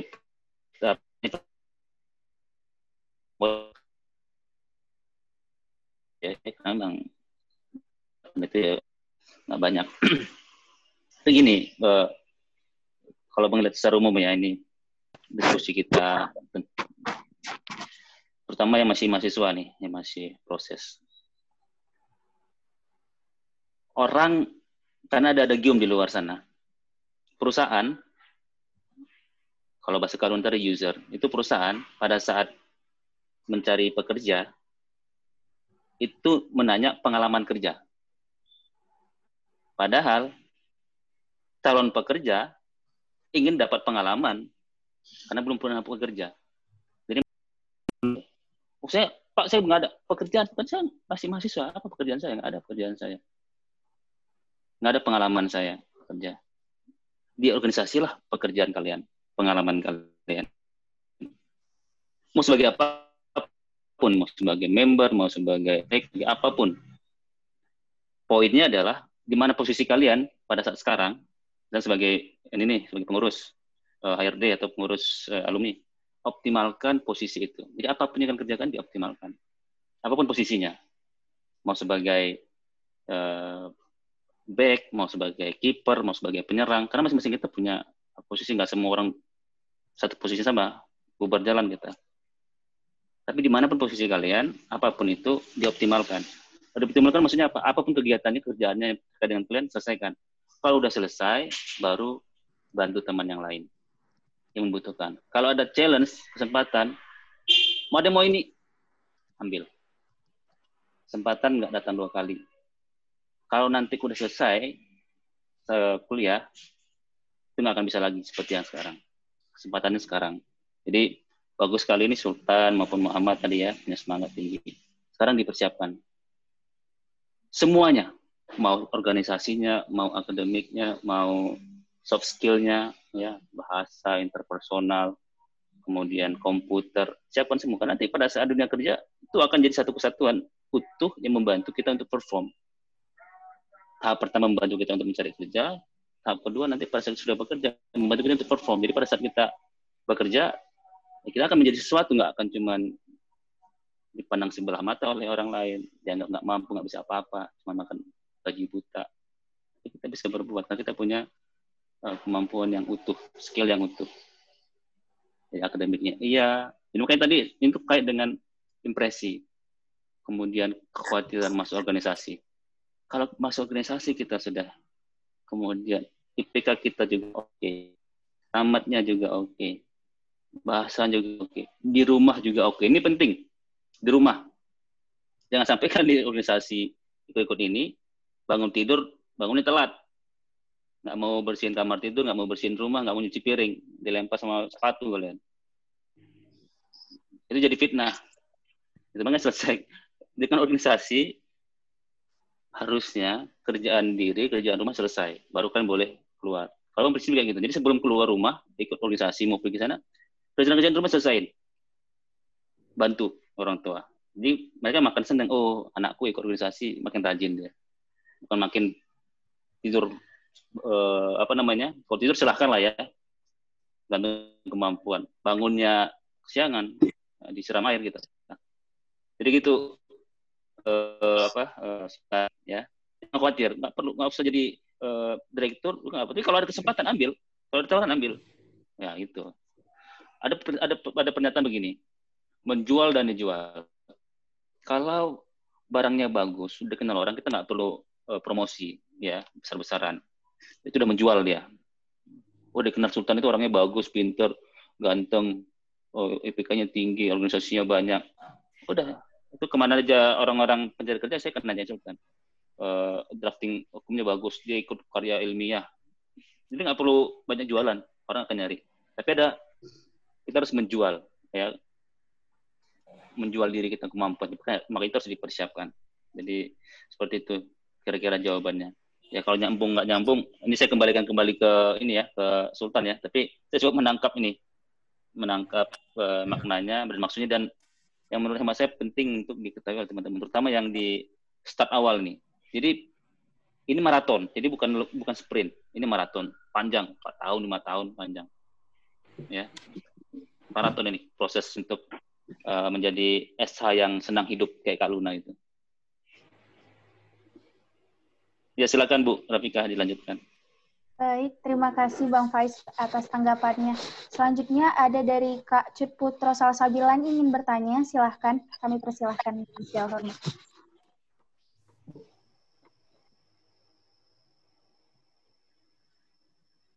Masih termute kayaknya, Dek. Kak Cut Putro. Oke, oke. Oke, oke. Maaf sebelumnya, terima kasih untuk kesempatannya. Perkenalkan, saya Citra Sabila, sekarang menjabat sebagai Vice Manager of, Fund, of Funding Department periode ini.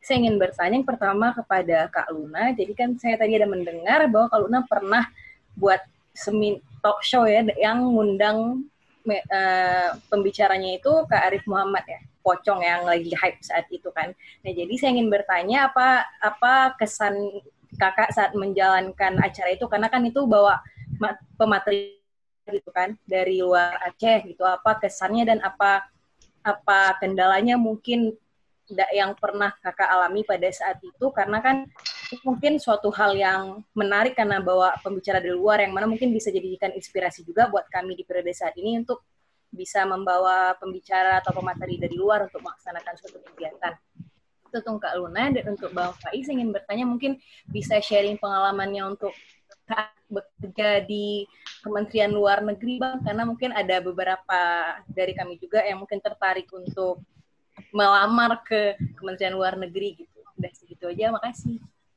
Iya, iya. Baik, terima kasih buat Kak Putra atas pertanyaannya. Um, sekarang saya persilakan untuk Kak Luna menjawab pertanyaan dari Kak Putro. Terima kasih. Dipersilahkan. Jadi, uh, jadi dulu tuh um, apa ya?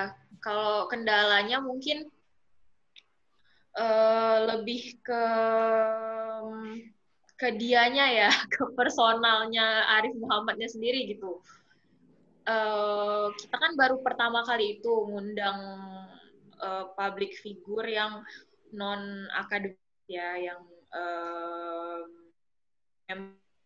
entertainment aja kan dia. Jadi kalau tadi kayaknya ada ada ada bang Zik deh. Bang Zik masih masih aktif nggak? Jadi pada saat itu bang bang Zik kurang lebih LO-nya dia ya LO-nya si Arif Muhammad itu. Dan memang dari awal kita ngebooking dia itu banyak permintaannya dia. Yang masalah uh, hotelnya lah, masalah makannya lah, masalah transportnya lah, segala macam itu banyak lah uh, tingkahnya dia gitu. Tapi selebih dari itu uh, dari sisi fundingnya sebenarnya nggak nggak terlalu sulit karena kita memang bikin tiket pada saat itu. Jadi kita buat tiketing dan yang berminat juga rame jadi sekaligus promosi Alsa sekaligus ya funding juga gitu kan uh, karena ada tiketingnya jadi untuk funding kalau nggak salah sih ya, se seingat kakak itu kita nggak nggak terlalu kesulitan. Kemudian um, yang lainnya apa ya? Ya lebih ke personal dia sih, banyakan problemnya karena emang dia orangnya agak-agak gitu, banyaklah ke ke keinginannya gitu si dianya itu. Tapi kalau kalian mau bikin lagi acara kayak gitu, mungkin saran dari kakak di research dulu um, orangnya kira-kira seperti apa, terus dia bisa ngasih manfaat enggak untuk kalian gitu, selain promosi, tapi juga kalau bisa yang ada manfaat untuk membernya sendiri gitu, untuk untuk kalian juga ada manfaatnya gitu. Kalau dia kemarin sih uh, kebetulan dia kan juga mahasiswa hukum tuh, Trisakti, Trisakti kan dia. Jadi dia banyak sharing pengalamannya dia juga. Dia dari sisi entertainmentnya dapat juga. Dia juga kebetulan tahu tentang Alsa juga. Jadi lumayan ada lah yang hadir juga pada saat itu full. Jadi untuk tujuan utamanya promosi Alsa itu dapat. Jadi kalau kalian mau buat acara yang kayak gitu lagi ke depannya, ya di research baik-baik dulu pematerinya itu orangnya kayak apa, dia bisa memberikan manfaat apa, lebih banyak positif atau negatifnya untuk kalian gitu, dan uh, untuk fundingnya sendiri juga harus kalian persiapkan mau dari mana asalnya uangnya gitu kan untuk acara itu. Terus nggak tahu uang dari gitu kan ya harus persiapan matang-matang lah gitulah kurang lebih kalau kalian mau sharing lebih panjang lagi nanti kita jangan dari sini dari apalagi tuh chat yang lain terima kasih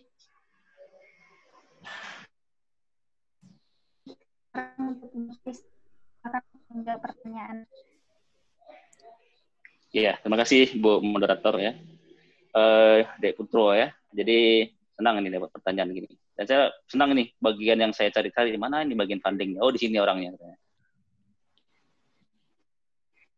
Coba dengar tadi kata Kak Luna ya itu penting. Kuncinya itu apa? Uh, kreativitas, thinking out box. Jadi gimana caranya kita bisa dapat semua.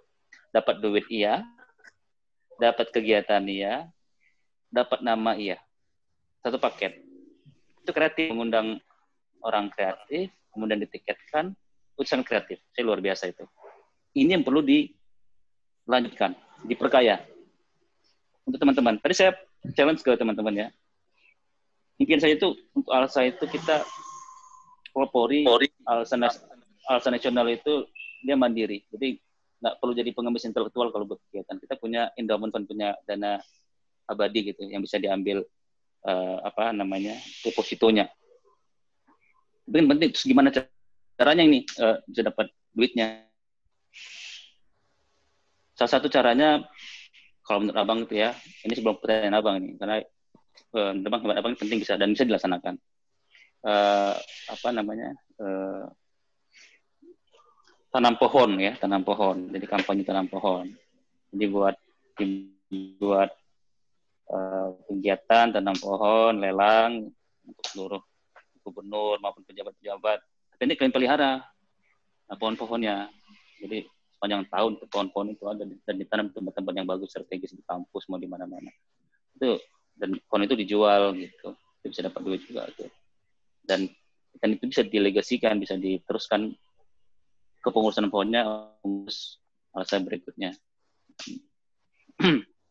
dan itu diacarakan gitu acaranya dan bisa dapat duit oleh teman-teman yang kedua ya nanam pohon apa nanam uh, cabai nanam tomat gitu kan ya.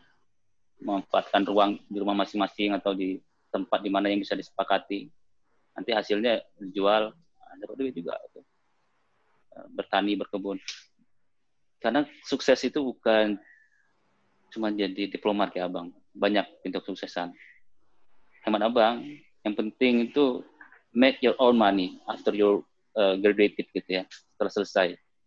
Mau cari apa aja. Dan itu di apa diasah dias dicari ditemukan dari sekarang. Nggak mesti harus di jalur hukum atau jalur yang resmi. Non resmi juga nggak ada masalah. Yang penting itu dengan passion kita dengan keinginan kita. Ya tapi yang sekarang kita jalani sembari. Jadi kalau dapat uh, apa namanya jalur dagang ya dagang. Dapat jalur musik entertain atau apa pun dilaksanakan. Intinya kalau kita punya skill, ini kembali pertanyaan ke Pro ya. Kalau kita punya skill, ke mana pun nggak ada masalah. Kementerian Luar Negeri, Kementerian Dalam Negeri, Kementerian Agama, itu udah siap tempur.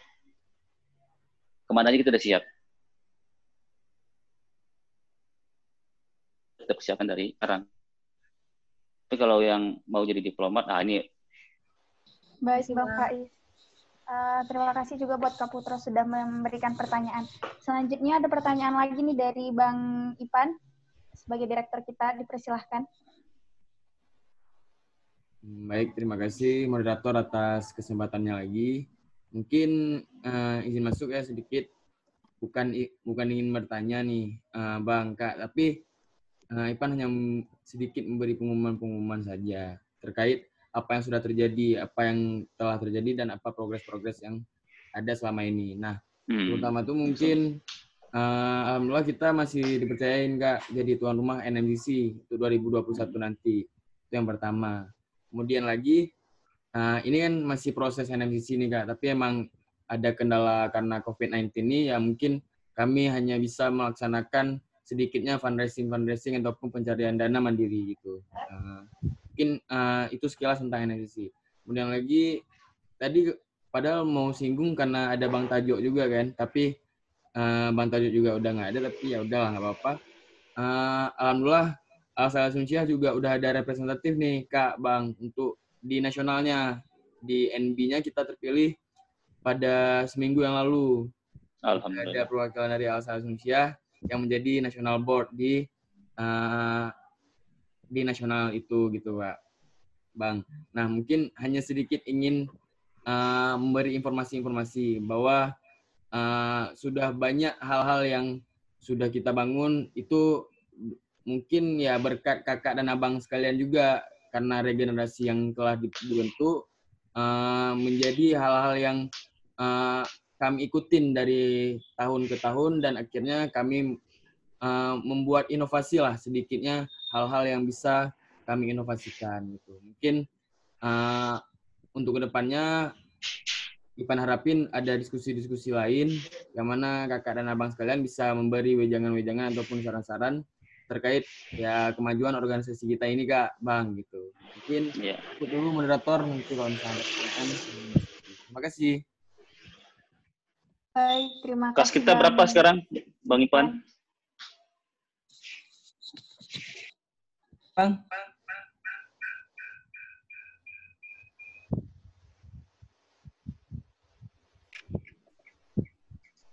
Japri aja.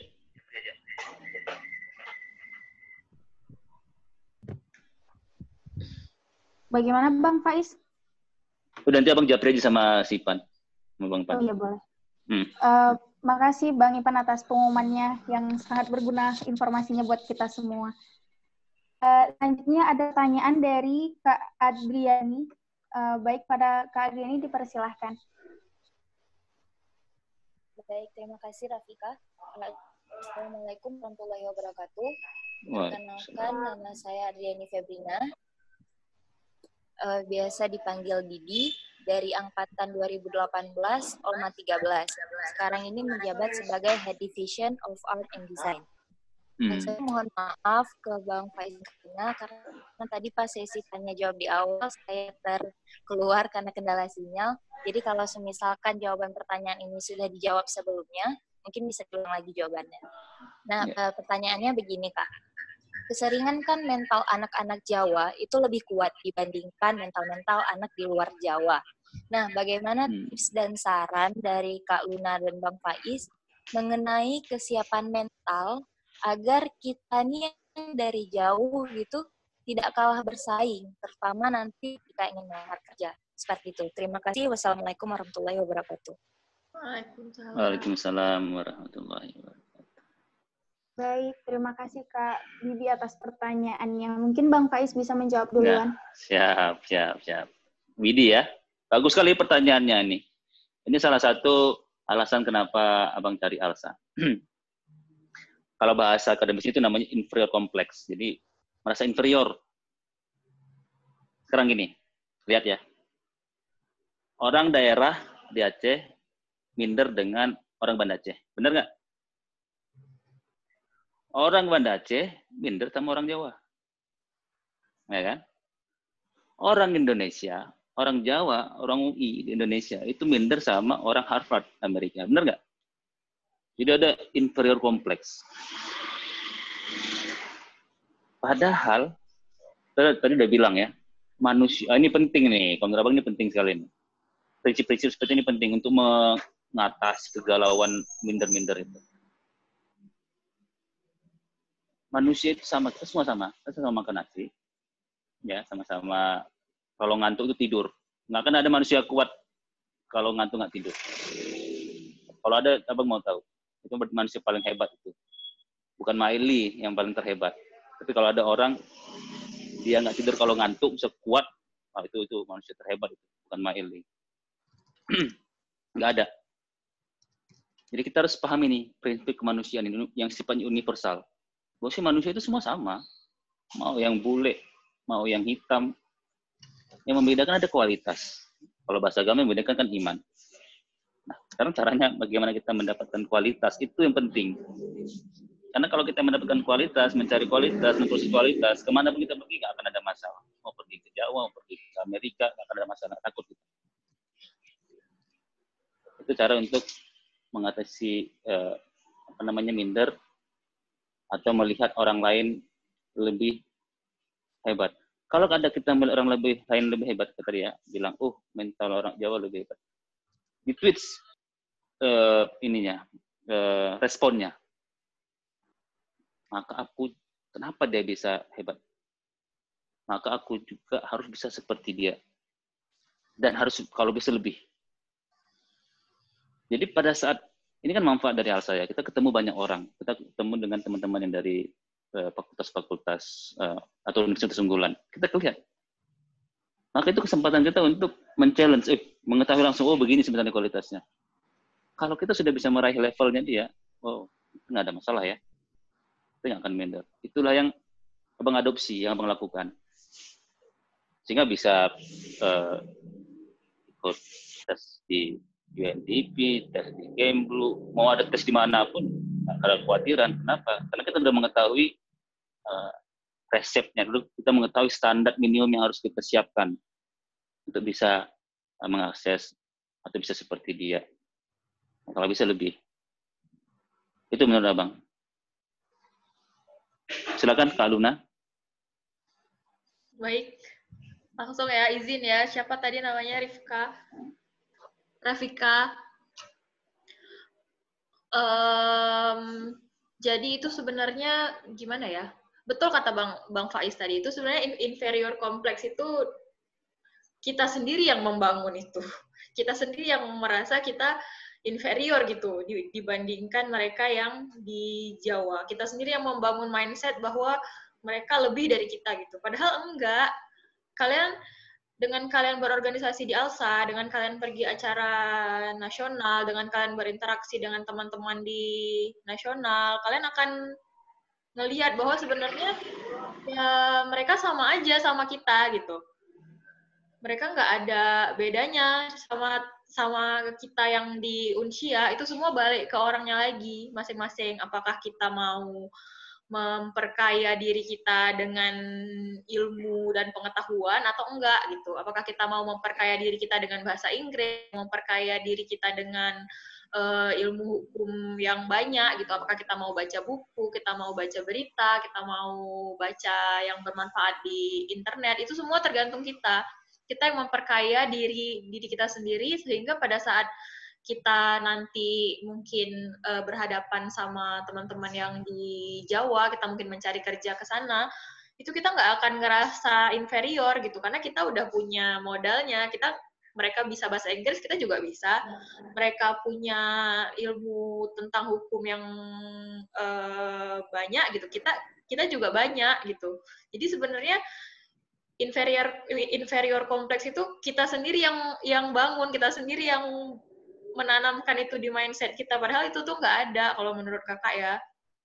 Termasuk um, contoh aja pada saat kakak kemarin ngelamar kerja itu yang daftar itu dari Fakultas Hukum nggak cuman uh, di Batam dan di Sumatera, tapi dari mana-mana juga. Ada yang dari UGM juga, ada yang dari UI nggak ada sih, adanya itu UGM, Unibrau, berapa orang lah gitu ya. Tapi yang yang lulus tuh salah satunya kakak gitu kan. Jadi sebenarnya nggak ada uh, istilah kita itu lebih kurang ilmunya dari mereka atau mereka itu lebih superior daripada kita tuh nggak ada. Itu tuh cuma di mindset kita sendiri. Dan gimana kita mempersiapkan diri memperkaya diri jangan sampai kita kurang dari mereka gitu. Kalau mereka bahasa Inggrisnya jago kita juga bisa lebih jago dari dari mereka. Kalau mereka punya banyak uh, wawasan tentang berita Indonesia berita luar negeri kita berarti juga harus memperkaya diri kita dengan wawasan itu gitu. Kalau mereka bisa bahasa Belanda kita juga pengen ya belajar juga bahasa Belanda gitu. Kayak ya nggak ada batasan sebenarnya untuk membuat mereka lebih super dari kita tuh nggak ada sebenarnya. Balik ke kitanya sendiri lagi dan selama kita yakin kita punya kemampuan sebenarnya kita bisa aja lebih dari mereka. Sekarang fakultas hukum unsiah akreditasinya masih A kan? Masih alhamdulillah. Masih kak. Ya kan setahu kakak kan masih A. Jadi ya nggak ada kurangnya gitu loh kita dibandingkan mereka. Tenang aja. Gitu Didi. Eh Didi ya panggilannya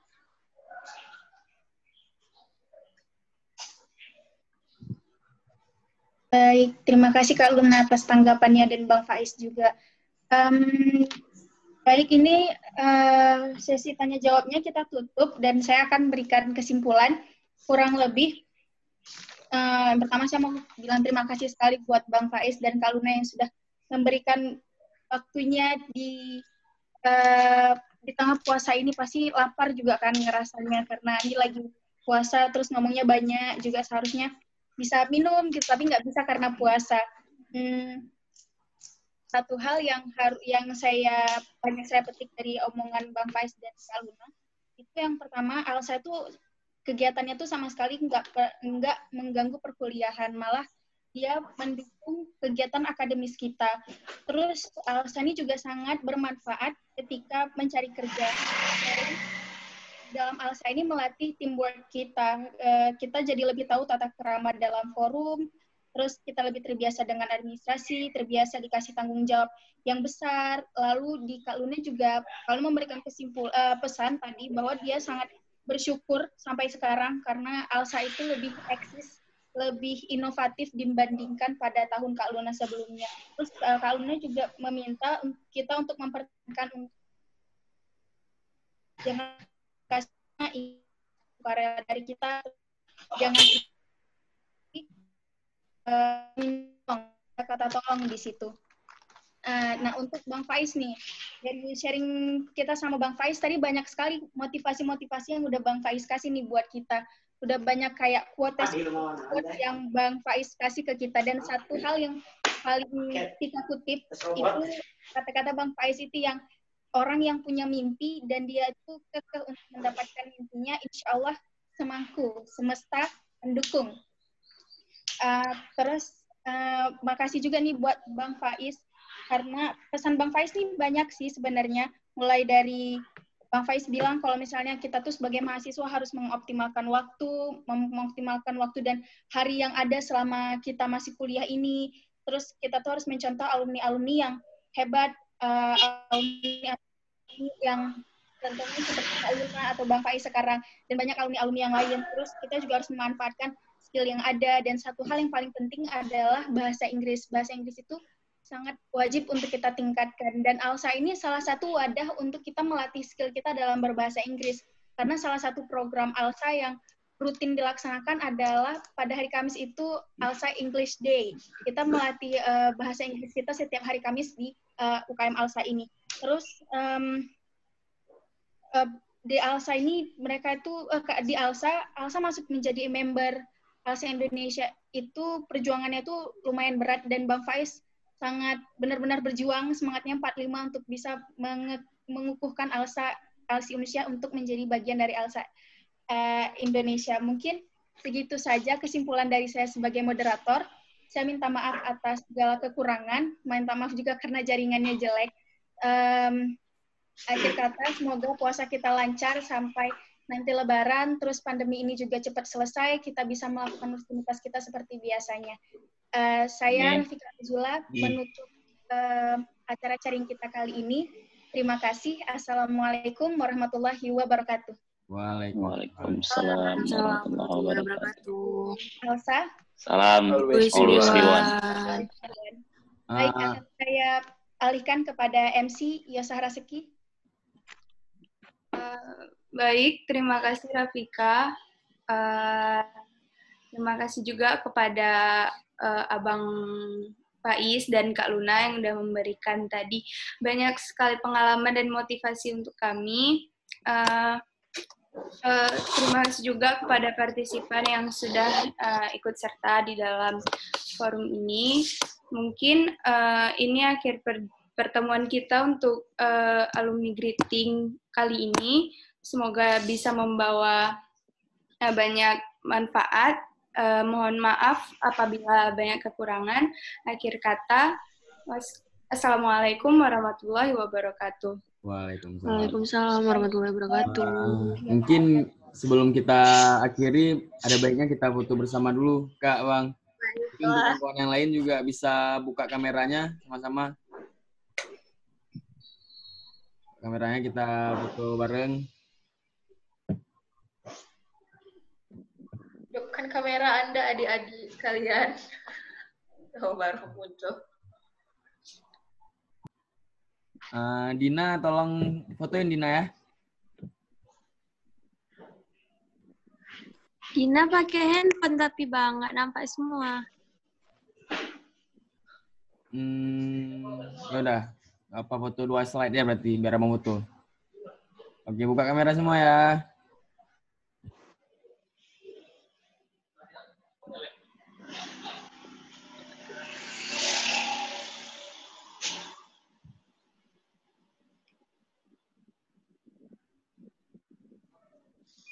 Satu, dua, tiga, depan.